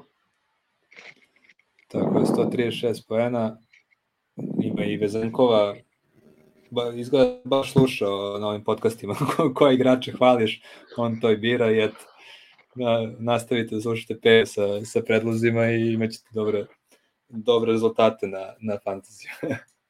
nemojte. Ništa, ćemo pređemo na ABA ligu. Može. Pazi sad najnoviju informaciju. Da čujem. FMP dobio posle produžetka u Ljubljani. Jel jeste? Jeste, Šone Stefanović nastavlja da dominira ABA ligom, tako da sve čestitke i pozdravi, samo nek nastavi ovako, niko srećniji od mene. A ja, pa ništa, pridružujem se čestitkama, baš sam obradao sad s ovom informacijom, pošto se ta utakmica igrala tokom, dok smo mi još kretali sa, sa, fan, sa podcastom, počelo u šest, mi smo sedam krenuli, tako da nisam znao informaciju. Sjajno, sjajan posao Neša Stefanovića, mlad stručnjak koji je veoma ambiciozan i sa ovom mladom ekipom koja je možda i po kvalitetu i slabija nego ova prehodna, evo pobedio je Cedevitu Olimpiju u Ljubljani koja je zaista pre, premoćna, premoćna pre svega atletska ekipa. Tako da svaka Tako čast. Je. A sad će još nešto da to obradujem. Znaš ko je pokidao? Jel Šaranović? Nije, tvoj komšija. A, Pavićević, Beli, a? Da, 19 minuta, 14 pojena, 5 skokova. U, svaka čast, svaka čast. O, to ću morati Evo sad vidim statistiku. snimku. To ću morati snimku da pogledam. E, ništa, ništa onda... da se vratimo na početak nedelje, ponedeljak. Pre zanimljiva utakmica Cibona Mega sa mnogo preokreta. Tako da... Da, definitivno. Mega koja je vodila 16 razlike u, u drugoj četvrtini, delovali su nezaustavljivo za Cibonu, Cibona nekako neraspoložena, već, neraspoložene su im bile većine igrača, jedini nego je ovaj Argentinac Vildoza ih je držao u životu, odigrao je sjajno, pogađa neke trojke sa centra i na taj način je i trgnuo ekipu, svidela mi se njegova partija, a pogotovo treba pohvaliti Nathan Riversa koji je bio uz Rok Stipčevića MVP drugog kola, 36 indeks, čovek je ja ne, ne, ne, usudio bi se da kažem od ovih e, da kažem stranaca u ABA ligi koji su eto po znacima navoda anonimusi nekako došli direkt iz iz e, sa koleđa da je možda bio na, poslednjih godina najveći pogodak e, Cibona, da je Cibona napravila sa, sa Riversom od svih klubova koji su igrali u ABA ligu. Stvarno pun pogodak što se tiče povećanja, dečko donosi e, ogromnu širinu u napadu, u odbrani je neverovatan e, bloker, bio je u ostalom i rekorder ni malo ni malo, malo, ni malo malog fakulteta, tačnije koleđa, college ekipe Wisconsin Badgersa, e, na kojima je igrao legendarni sad već za njih Frank Kaminski, trenutno NBA igrač, tako da napravio ono što trenutno doprinose Ciboni je stvarno nevjerovatno. Jeste. Sa njim sam pogodio na najavi na početku sezone, tako da... Ne, da, jeste. Da, tako da Cibona, kako se zove, ovoj nedelji odigrala i protiv Zadra, utakmicu koju su isto u trećoj četvrtini gubili osam razlike i okrenuli. Tako da mlada ekipa koja ima definitivno uspone i padove tokom utakmice i očigledno ima karakter da se vrati kada gubi. Tako da biće zanimljivo ispratiti do kraja sezone njihov razvoj i dokle će se to završiti. Tako da posle furioznog početka Roko Prkačin je malo usporio, ali eto, nadamo se da će se i on vratiti i da će oni Rivers stvarno uz Lovru Gnjidića pretalentovani mladi trio. Baš kad si pomenuo Prkačina, baš slaba utakmica za njega, on je čak u prvom polovremenu bio bez poena, ali čini mi se su ga izuzetno dobro skotirali stručni štab Mege, e, pogotovo su ga odlično zatvarali njegove pokušaje prodora prilikom close outa, gde je, čini mi se, u prvom utakmici protiv Monara najviše poena iz tih situacija postizao i odlično su ga zatvarali kada, kada je pokušao da ih prodire na takav način. Uh, tako da, ali nije imao, nije imao problema s tim zato što su preuzeli odgovornost uh, Vildoza i, i Rivers, kao i sada već uh, popularan je Lamar Gegić, koji je odigrao sjajnu utakmicu, dečko s neverovatnom energijom, kakav napredak od uh, sezone u Partizanu do sada, mnogo je sazrao i mislim i da je on u nekim situacijama zadesi ga na njegovi žuti minuti kada krene da da probija glavom u zid, da ne razmišlja puno šta će se desiti ako, ako slučajno ne prođe, ako ga slučajno zatvore prilikom nekog prodora, ali to mnogo manje ima nego pre i ovaj, mene ostavlja baš ogroman utisak njegova e, i odbrana i energija i stvarno dečko sa jednim fantastičnim fizikalijama je postao sasvim, sasvim ozbiljan ABA, ABA igrač, a mislim da može i više od ovoga, da može još, još da napravi. Jeste, on ove sezone, kako se zove, on je u Bajernu počeo, tako? Tako, u Bajernu, e, Pa da. Tako da kako se zove, od njegove sezone čekujem dosta, dobio je ulogu, dobio je kako se zove minute. Stvarno vidim da sad protiv Zadra ne boji se da preuzme odgovornost, traži loptu. Tako da, eto, biće, biće, biće zanimljivo uz ovu trojicu još jedan mladi talentovan igrač koga Vlada Jovanović ima kod sebe. Nadamo se da će nastaviti stopama sa, zajedno sa ovom trojicom. E, što se tiče mladih igrača, e, baš kod Mege Nikola Jović je dobro počeo bio utakmicu, ali igrao je pametno, zrelo, dobro je pratio, dobro je čitao igru, ali onda je ušao u probleme s faulovima i, i jednostavno uno, su neku nervozu, pa je bio i nestrpljiv i brzo ispo iz ritma. E, nekako nije baš u momentima kako dobro počeo utakmicu, posle, posle se videlo da ipak i da je to mladi igrač i nekako naivno je e, ispadao iz igre i pravio faulove i izašao je bio zbog pet faulova, izašao bio i mnogo ranije iz igre. Jeste, to na toj utakmici je bilo nešto manje minutaža, međutim već juče protiv Krke i opet bilo preko 30 minuta, tako da nije ga hteo šut za 3 poena, ali eto, Mega je prošlu utakmicu izgubila u produžetku, juče su dobili, tako da vraćaju se i oni, evo da te pohvalim za Balčerovskog, da si pogodio, kako se zove, stvarno oduševljava me, juče imao neku ukradenu loptu, presečeni pas, savladao loptu, dva driblinga i asistencija na zicer oko igrača, tako da baš stvarno dečko ima ogroman potencijal, mislim, to se ne dovodi u pitanje čim je u Megi, ali eto. Definitivno su pogodili sa njim, a ako smo već kod pohvala za pogađanje, ja moram za drugog centra Mege tebe da pohvalim. Karlo Matković protiv Cibona odigrao odlično. Stvarno, stvarno je igra sve bolje i bolje.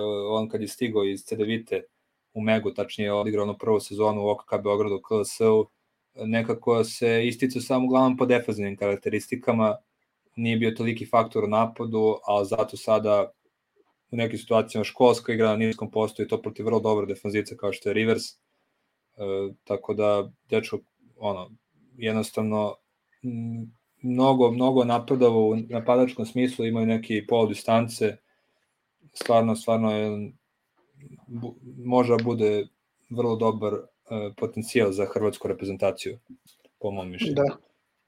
Prošle godine, od, kako se zove KLS lige, je krenuo njegov uspon, Tako da vidjet ćemo koliko i dokle će moći. Mislim da je juče protiv Krke isto bio dvocifren ili je bio blizu. Slagaću te, ali dečko od koga zna šta možeš da očekuješ, radi to što zna, ne komplikuje mnogo, izvanredan osjećaj u odbrani za blokadu, za odbranu pick and roll i sve ostalo. Tako da zanimljivo, svakako za jedan zanimljiv igrač da se isprati njegova karijera i njegov domet. Ali, ali kakva, kakav Arsenal ono, vaskrskog snajperiste Boriša Simanića, to je, to je bilo neverovatno, pogotovo protiv, protiv Cibone, ali evo i protiv Krke isto i, i šutirao dobro. Ja ne, ja ne pamtim kad je, kad je ovako dobro počeo sezonu, mislim, ono, da sad u Zvezdi nije ima toliko i prilike i minutažu, ali ono, ne, bukvalno je vaskrsno od, od ovog perioda kad je kod Vlada Jovanovića u ekipi. Da, kako se zove, defin, definitivno sjajno, sjajno, sjajan napredak, mislim. Njega više ne možete da ostavite samo, bukvalno, no, ne, ne samo da samo da ga ostaviš, nego ne smije da, da šutne više. A znaš šta mene sad, ja to je jedan drugi problem, kako se zove, što kak, e, krenula je sad priča, Simanić nije dobio šansu u Zvezdi, Radanov nije dobio šansu u Zvezdi. Svi dobili šansu u Zvezdi, niko nije iskoristio. Ni jedan ni drugi. Da. I sad kako se zove, drago mi je što su momci krenuli da igraju, pogotovo, pogotovo za Borišu Simanića. Tako da, pa ništa, mislim od njega, njegova igra od koju smo očekivali, šut za tri poena, tako da sjajno šutira od početka ove sezone, to je njegov zaštitni znak. Ono što smo i najavljivali na početku da će imati ogromnu ulogu ove sezone u Megi, tako da, eto, drago mi je zbog njega stvarno. Mega mi se sviđa pogotovo što je i na četvorci ima i njega i Rudana koji isto dobar šuter za tri poena, tako da su tako, biće izuzetno opasni za svaku ekipu koja će, koja će igrati protiv njih. I Rudan generalno, generalno dobro počeo sezonu, mislim da će trebati više vremena da, da, da se uklopi, da, da krene igra, pošto prethodnih godina nije puno igra u Bajernu, ali ono što mi je bilo interesantno protiv Cibone, ne znam da se to primetio, bilo mi je, bilo mi je izuzetno čudno koliko on bio motivisan, nešto posebno je bio motivisan na toj utakmici, svaki koš je, svaki koš je slavio kao da je, da, da je davo golove, malte ne, znači udara su u grudi, bodre igrače, znači ja znam sad da je on bio u mlađim kategorijama Cibone, ne znam, u periodu kad je bio pionir i kadet, pa je posle toga otišao u Bayern, ali ja ne znam da. sad da li o, ta, nje, te njegove reakcije leže u, u tome što je možda u tom periodu, ne znam, da li je u tom periodu nešto e, iz redova Cibona, da te žela nešto, nekome da se osveti ili tako nešto, ili jednostavno samo takav igrač voli da se, da se na taj način bodri tokom svake utakmice. Ne znam, evo imali smo juče situaciju sa Rodanovim, tako da ne znam stvarno. A da, protiv Igokeja isto. Da, da, protiv da, Igokeja Zvezda, da, da, je, da ima takve situacije, da. Nebulozno, ali okej, okay, se nećem to komentarisati. Da, to mi je bilo samo čudno, ono, pošto nekako sam ga gledao kao nemačkog igrača, pošto je Bayern već nekoliko godina i onda sam totalno, totalno sam zaboravio da je, da je čovjek igra u Ciboni u mlađim kategorijama i baš je ono, baš je igrao kao da je igrao protiv, ne znam, najvećeg rivala Cibona, a ne protiv Cibona. Kako je, Just. kako je reagovao u određenim situacijama, ali dobro, nebitna, nebitna priča. Tako da, eto. Hoćemo da pređemo na derbi do sadašnjeg dela ABA ligi i show Damira Javora u Pioniru. Može, to prepuštam tebi da kreneš. A kako se zove, evo da krenemo od lepših tema opet jedna sjajna utakmica Zvezde, pre svega energijom, sa dosta energije i koncentrisano. Stefan Lazarević, koji ja te njega non stop hvalim, ali dečko stvarno odigra vrhunski početak sezone, Dobrić koji je prolomio sa bitnim koševima, Kalinić koji je pokazao klasu za sve ove igrače, tako da Davidovac koji bukvalno rutinira u ABA ligu, toliko je postao iskusan i ono što je meni jako zanimljivo i što je to negde u priče sa drugarima, negde neki se slažu, neki ne. Nikola Ivanović, jedna vrhunska utakmica, osim što nije postigao koš što mu nije bio taj koš getarski deo, odigrao jednu dečku utakmicu bez greške, kao kompjuter. Bez greške, majke mi. E, sjajna odbrana, u napadu nije imao ni jednu izgubljenu loptu, ja mislim, organizacija napada, pasovi, sve, koš ga nije hteo. Damir Javor, da je ono svirao 8 sekundi, sram ga bilo, morao je da ga pusti da se mora je da ga pusti da se nagradi. Tako da kako se zove Kuzmić, eto. Svaku svaku utakmicu neki novi igrač iskoči. Kuzmić je bukvalno kažnjavao sve greške na ispadanju pick and rollu. Tako da treba i ulogu Skokovića pohvaliti koji kad je ušao kad su zablokirali Volters i Ivanović ušao i iznao je to ono što se kaže momački. Tako da prvi napad koji je uzao naskočio je naskočio je na penal i pogodio. Sledeći napad je podvalio loptu za Kuzmića ispod igrača, tako da i njegova dobra partija, ta dva ova jun, mlada igrača, Gušić i Popović nisu ulazili, njihova energija sa klupe, pogotovo Popović je stvarno, mnogo mi je drago da gledam ovaj zvezdni tim i bukvalno se vraćamo ono doba kad sam bukvalno jedno čekao sledeću utakmicu Zvezde. A što se tiče, a kaži. Ne, nastaje slobodno. A rekao, što se tiče budućnosti, to mi je možda najneprijatnije iznenađenje od početka sezone u ABA ligi. Kako se zove, žive i umiru od DJ Silija, tako da dok on igra i dok on ima proizvodnju poena i organizaciju igre, to liči na nešto, a što se tiče čim lopta nije kod njega, čim dođe do Petra Popovića, to je skandal.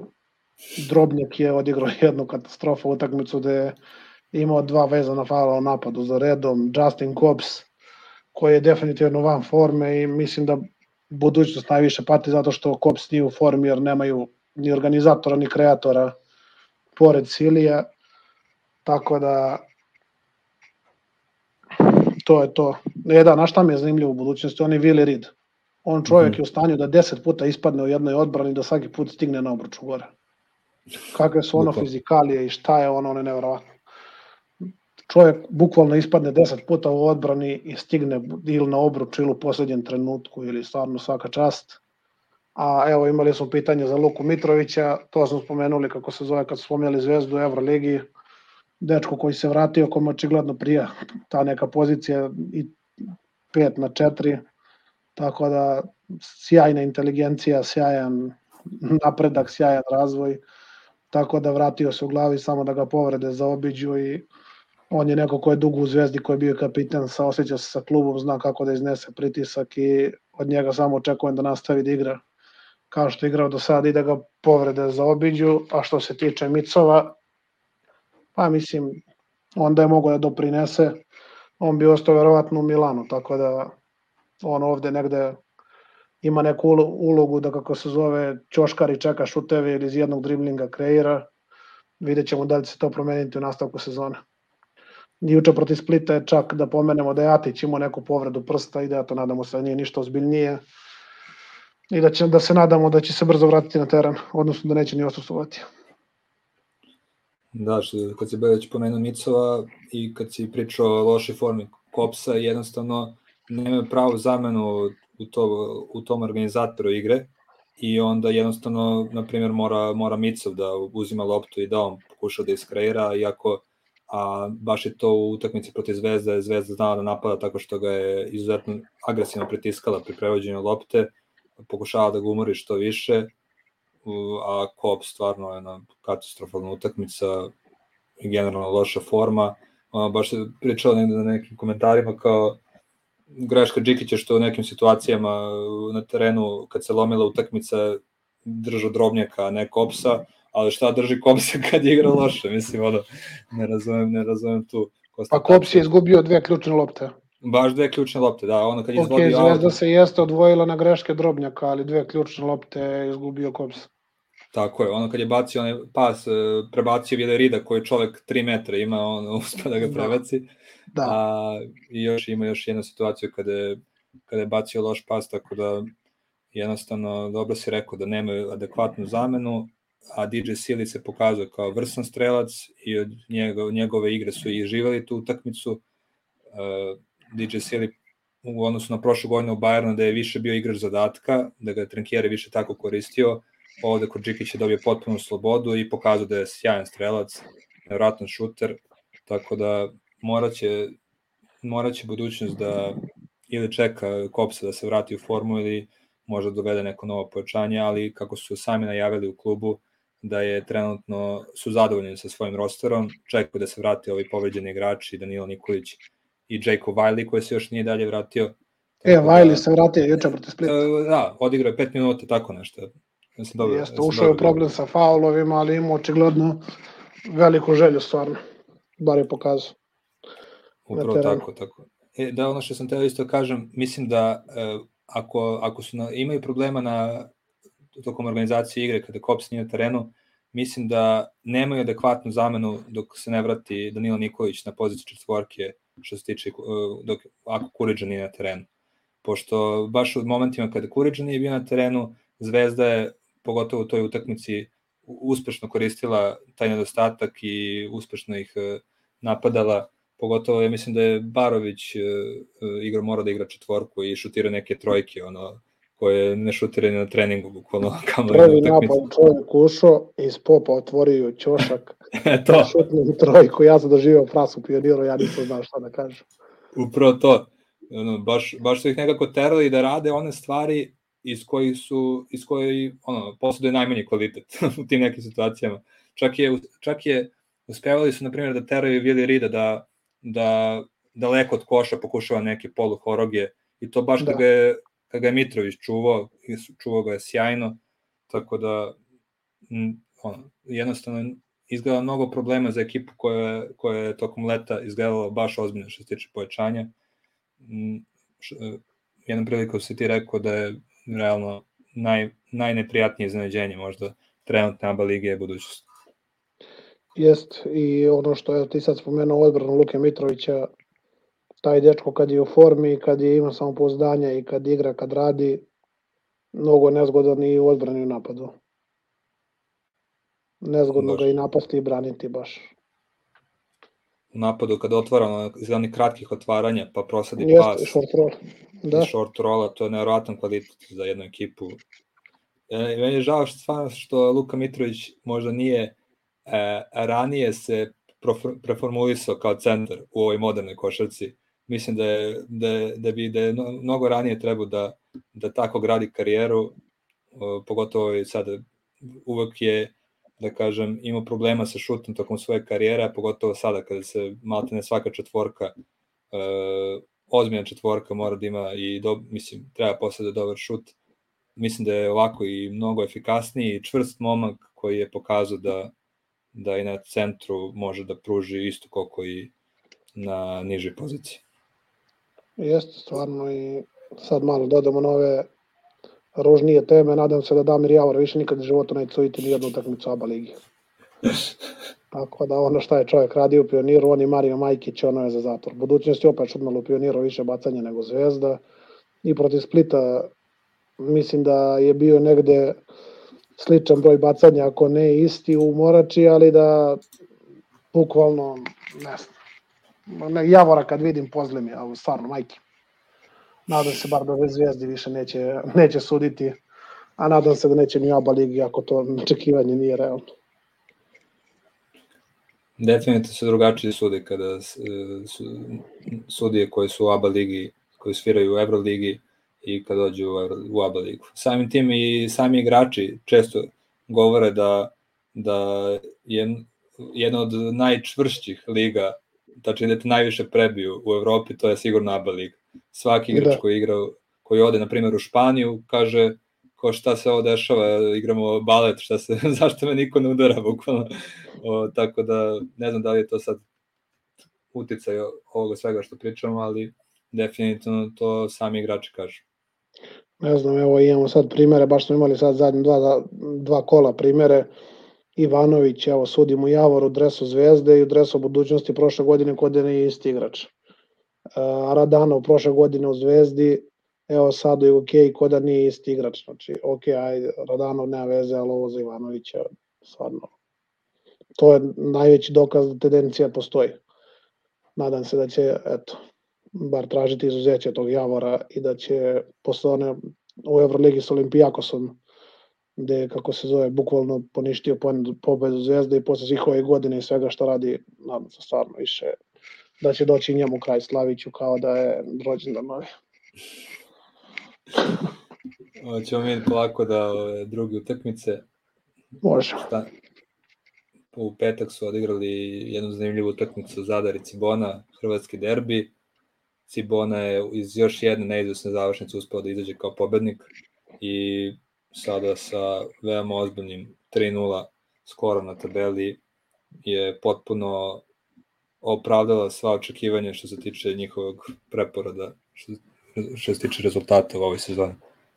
Pa jes, spomenuli smo tu utakmicu, utakmica koja je bila rezultatski izuzetno zanimljiva, koja, ajde, košarkaške toliko i nije bila, gde su za Cibona opet prelomili utakmicu Radončić i onaj Argentinac, Tako da, eto, utakmice, okrenuli su utakmicu, dobili, imaju skor 3-0, pokazali su da je mlada ekipa koja ima karakter i da koja svakog može pobedi. Tako da, sjajan početak sezone za njih i verovatno više od onoga što su oni sami očekivali. Drago mi je zbog Vlade Jovanovića, tako da nadam se da će nastaviti u tom ritmu. Ono što mi se najviše sviđa kod uh, Cibone, mislim kod uh, njihovih playmakera, što uvek ako je jedan od njih dvojice, mislim na Vildozu i na Gnjidića, ako jedan loše igra, ovaj drugi se istekne. Nekako uh, nijednom se nije desilo da obojica uđu u neku lošu seriju minuta i da obojica ne mogu pronaći ritam. Kad je, kad je Gnjidić protiv Megi, na primjer, igrao loše, Vildoze preuzeo odgovornost. Kada je Vildoza protiv, recimo, Mornara igrao loše, Gnjidić preuzeo odgovornost, tako da jako su mladi igrači, ponašaju se nekad veoma iskusno i, i to mi se baš, baš dosta sviđa kod, kod njih. Slažem se s tobom, tako da jedina zamerka moja je na Vildozu da prekine da podvrće šorc kao da je futbaler, tako da sve ostalo je sjajno. Imaju one mangupske poteze, on u stilu Režona Ronda kao na basketu, kada, kada je već nekoliko puta izo te finto i uspeo svaki put da nas amari e, svakog igrača koji je koji ga je čuo, tako da pravi jedan Argentinac, pravi, na, na, na, voli, voli, voli da, da, da prevari, što se kaže, na sportski način, naravno. Da, da. Ništa, ćemo na Mornar Borac. Mornar Borac, da, posrnuće potpuno Mornara, jedna katastrofalan start, ja ne pamtim kada su, kada, kada je Mornar u ABA ligi da su krenuli sa 0-3, uh, definitivno nešto neštima, ono što se kaže, očekujem uskoro i ono, da kažem, samovoljni otkaz obojici Pavićevića iz Vanara, kako su krenuli, ovo je nevjerovatno, zaista. Evo, čujem da se kr krčka, kako se zove, pojačanje na pozicijama 1 i 5, tako da sigurno i neće odustati od svog cilja da izbora opstanak, tako da Biće zanimljivo do kraja sezone kako će se izvaditi i kako će prebroditi ovu situaciju. Čak na poziciji 1 se spomenje neki povratnik, pa vidjet ćemo koliko je to realno i šta će tu moći da bude. Da nije ovaj za te vite onaj play, Pulan, tako nešto se zove, nije, nije. nije, nije. Ali jedan sličan. Jedan sličan, a, dobro. Sačekat ću da, da si tu vez, da se iznenadi.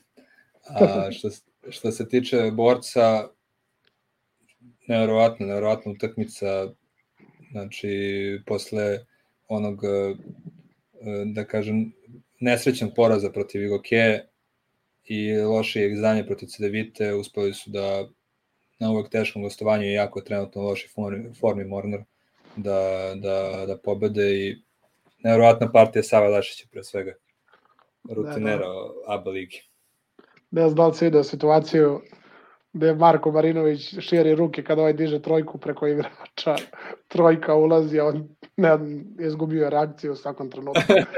Ostale raširene ruke, zbunjena faca, bukvalno ono trenutku od šta radiš Savo do bravo, Savo u pola sekunde. Šta to radiš bravo, čuveno.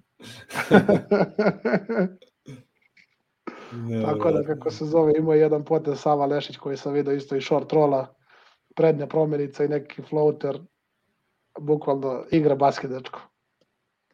Rutiner, što si rekao. Da, baš rutiner, ja na, tim, na, tim, na toj poziciji četvorki imaju dva nevjerovatna talenta, jeste da je jedan, da je Sava Leši stari igrač, ali oni pecarski zaista, što ti kažeš, igraju se košarke. Nekako kad da. njih gledaš s te pozicije, imaš redko priliku da gledaš u nekoj zbiljnijem evropskom nivou, da neko s takim talentom, s takim osjećajem e, za igru i, i sa, sa tolikom e, konstitucijom i visinom da imaju i mekanu ruku, dobar šut. Stvarno, stvarno lepo ih gledati generalno. Kako pogotovo napad. Kako ne, pogotovo Savo Lešić, ja ga obožavam.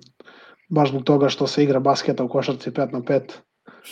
I čuvena izjava Karija Pešića Savo, nemoj da gledam te egzibicije na granici cirkusa tako, da, tako da to mi je otac sam ga zavoleo. Upravo to. Tako da čestitke, čestitke naš jedna dobra partija borcu. A, mi možemo da nastavimo sa utakmicom Partizana protiv studentskog centra, gde, gde Partizan je rutinski odigrao, pobedio sa 22 razlike, tako da nema šta puno pretarano da se priča.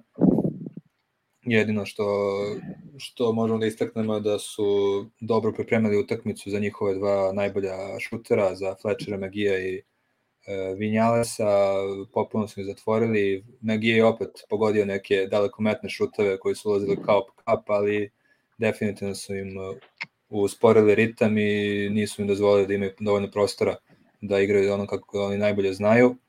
A, tako da svidelo mi se generalno sama agresivnost e, u odbrani Partizana, ali u, odbrani, i u napadu i dalje to nije toliko uigrano, sve bolje i bolje, ali vidi se u nekim situacijama da, da nisu tečni, da, na primjer, ono, ne znam, u nekim situacijama video sam kako Avramović, na primjer, utrčava u reket, a Panter i dalje nije izašao iz izazne kretnje, dobio blok i kako mu Avramović bukvalno pokazuje rukom da, da krene u kom pravcu i onda on tek tad kreće. Tako da vidi se da jaji nisu uigrani, ali uh, mislim da s obzirom na onaj početak protiv Zara da je bilo baš, da, da, da se videlo da je baš prva utakmica, ovo je sad mnogo bolje i mislim da su generalno zadovoljni sa ovih 3-0, da je to bilo i očekivano i vidjet ćemo kako će biti kada dođu, kada dođu zbiljnije utakmice, zbiljniji protivnici, a pogotovo kada krene da se igra dva put nedeljno, kada, kada krene Partizano i Evrokup sezonu. Jeste, tako da Partizanu mislim da ide, ne znam, derbi, pa budućnost, pa i Gokija u gostima, pa CDVita, tako nešto. Tako je, tako je. Tako da sve to za Evrokup će da bude jako zanimljivo kako će uspeti da izdrže. Ali eto, kako se zove, vidjet ćemo kako će ići sezona za njih.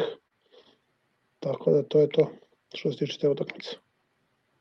I ostalo nam još e, dobro, mega, mega krka, to smo već malo pomenuli za prilikom, dok smo pričali o Megici Boni, ali evo, jedna uzbudljiva utakmica, pola koša pobedila Mega, opet pod produžetaka i nisu, nisu dozvolili da još jednom ispuste pobedu kao protiv Cibone. E, sjajna partija Skučija Smita, koji mi se izuzetno sviđa kako igra ove godine. E, čovek je najiskusniji u ovoj ekipi, baš se tako i ponaša. E, nekako u stanju je da čak ne šutne na utakmici, da ne pokuša uopšte da uputi šut ka košu, ali zato uvek pravovremene asistencije, pravovremeno dodavanja, raz, bukvalno je pravi organizator igre, razigrava ekipu mladu koja, koja kao što smo već rekli, izuzetno šuterski dobro potkovana i e, mislim da trenutno Kočović se još traži, u ovoj ekipi Mege još e, ne doprinosi onoliko koliko mislim da može, a može više, ali Skuči Smith je baš nekako nekako igra, igra kako treba da igra jedan playmaker, jedan lider ekipe. Jes, Skuči Smith je kako se zove, tačno se pojavio kao lider kad je trebalo, negde u četiri četvrtini kad je, mislim, Krka otišla na pet razlike, on dao neki faul koš i to faul koš neki čudan, padao je, borio se s loptom i na kraju naslonio na tablu negde sa drugog skakačkog mesta i ta lopta je ušla.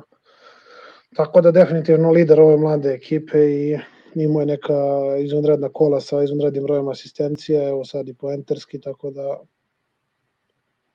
zanimljivo, mega ekipa koju ja volim da gledam. Uh, prošle godine sećam se da su zajedno oni i Jovan Novak na poziciji playmakera u Megi da su kombinovano imali ukupno 9, ne znam, 5 asistencije po utakmicama, a sada ja mislim da Skuči Smith će imati taj prosek sam ove da, da godine. Da, da, da, da, da, da. Kako je krenuo... Meni iznenadilo što su ga produžili, ali eto, ispostavilo se kao dobar potes.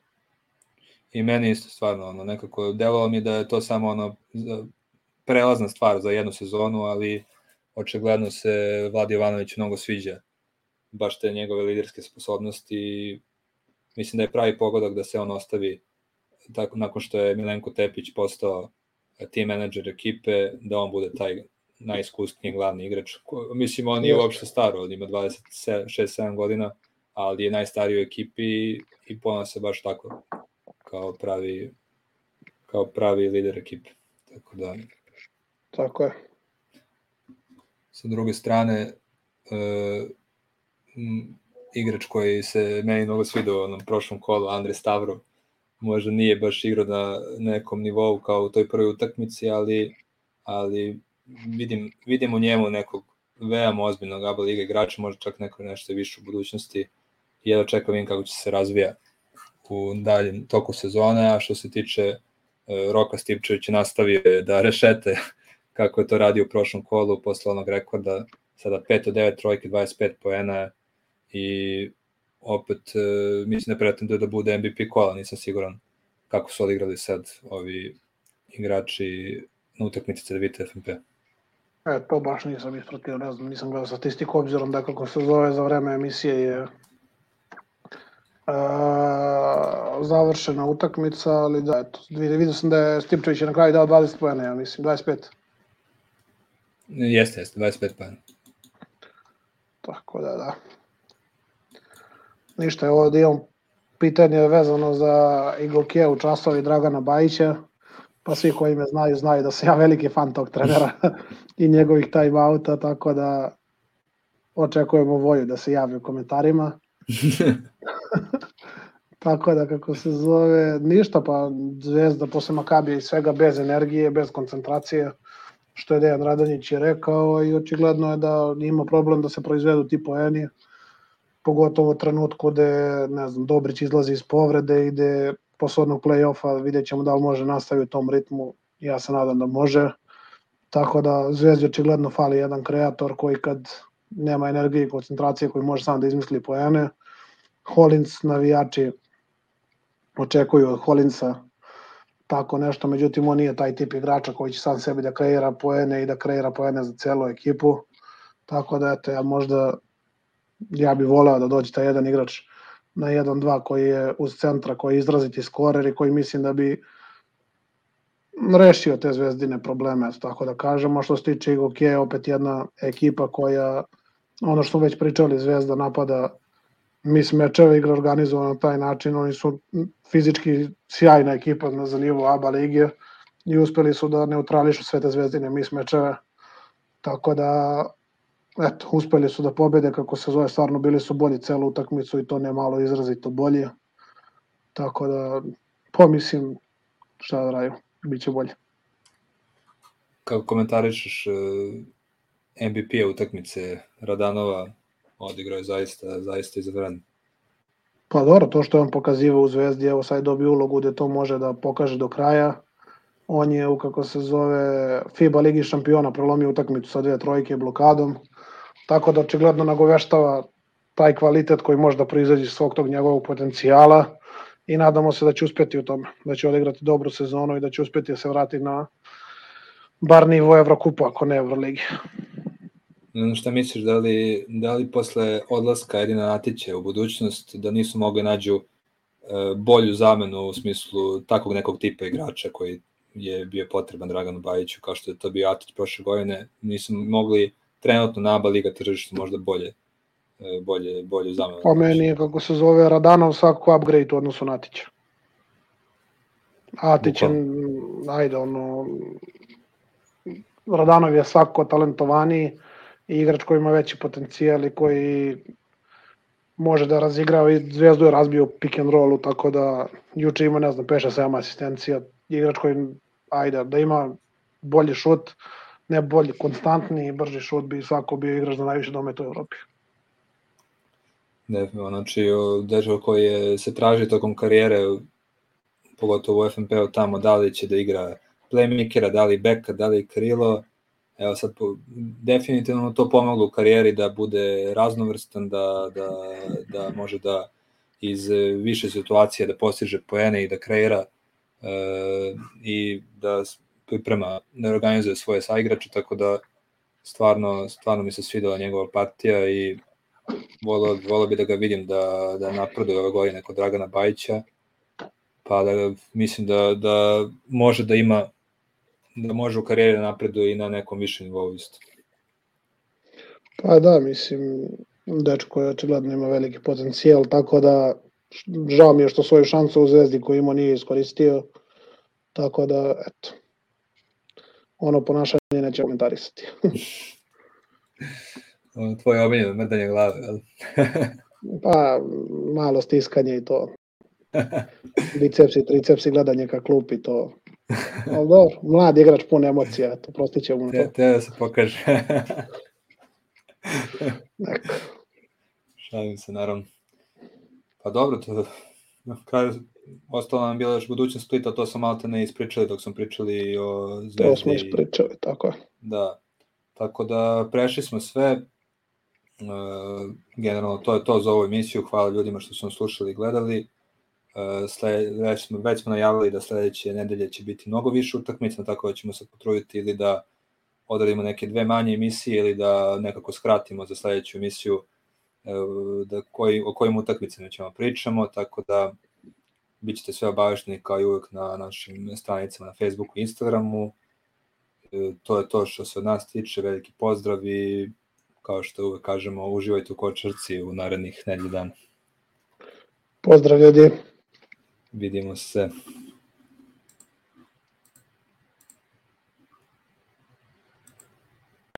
Nugget Srbija, YouTube, Facebook, Twitter, uh, zvonce, stisnite, like, share, komentar, MySpace, uh, na blogu, u novinama, u novinama smo sutra, gledajte nas. To je to.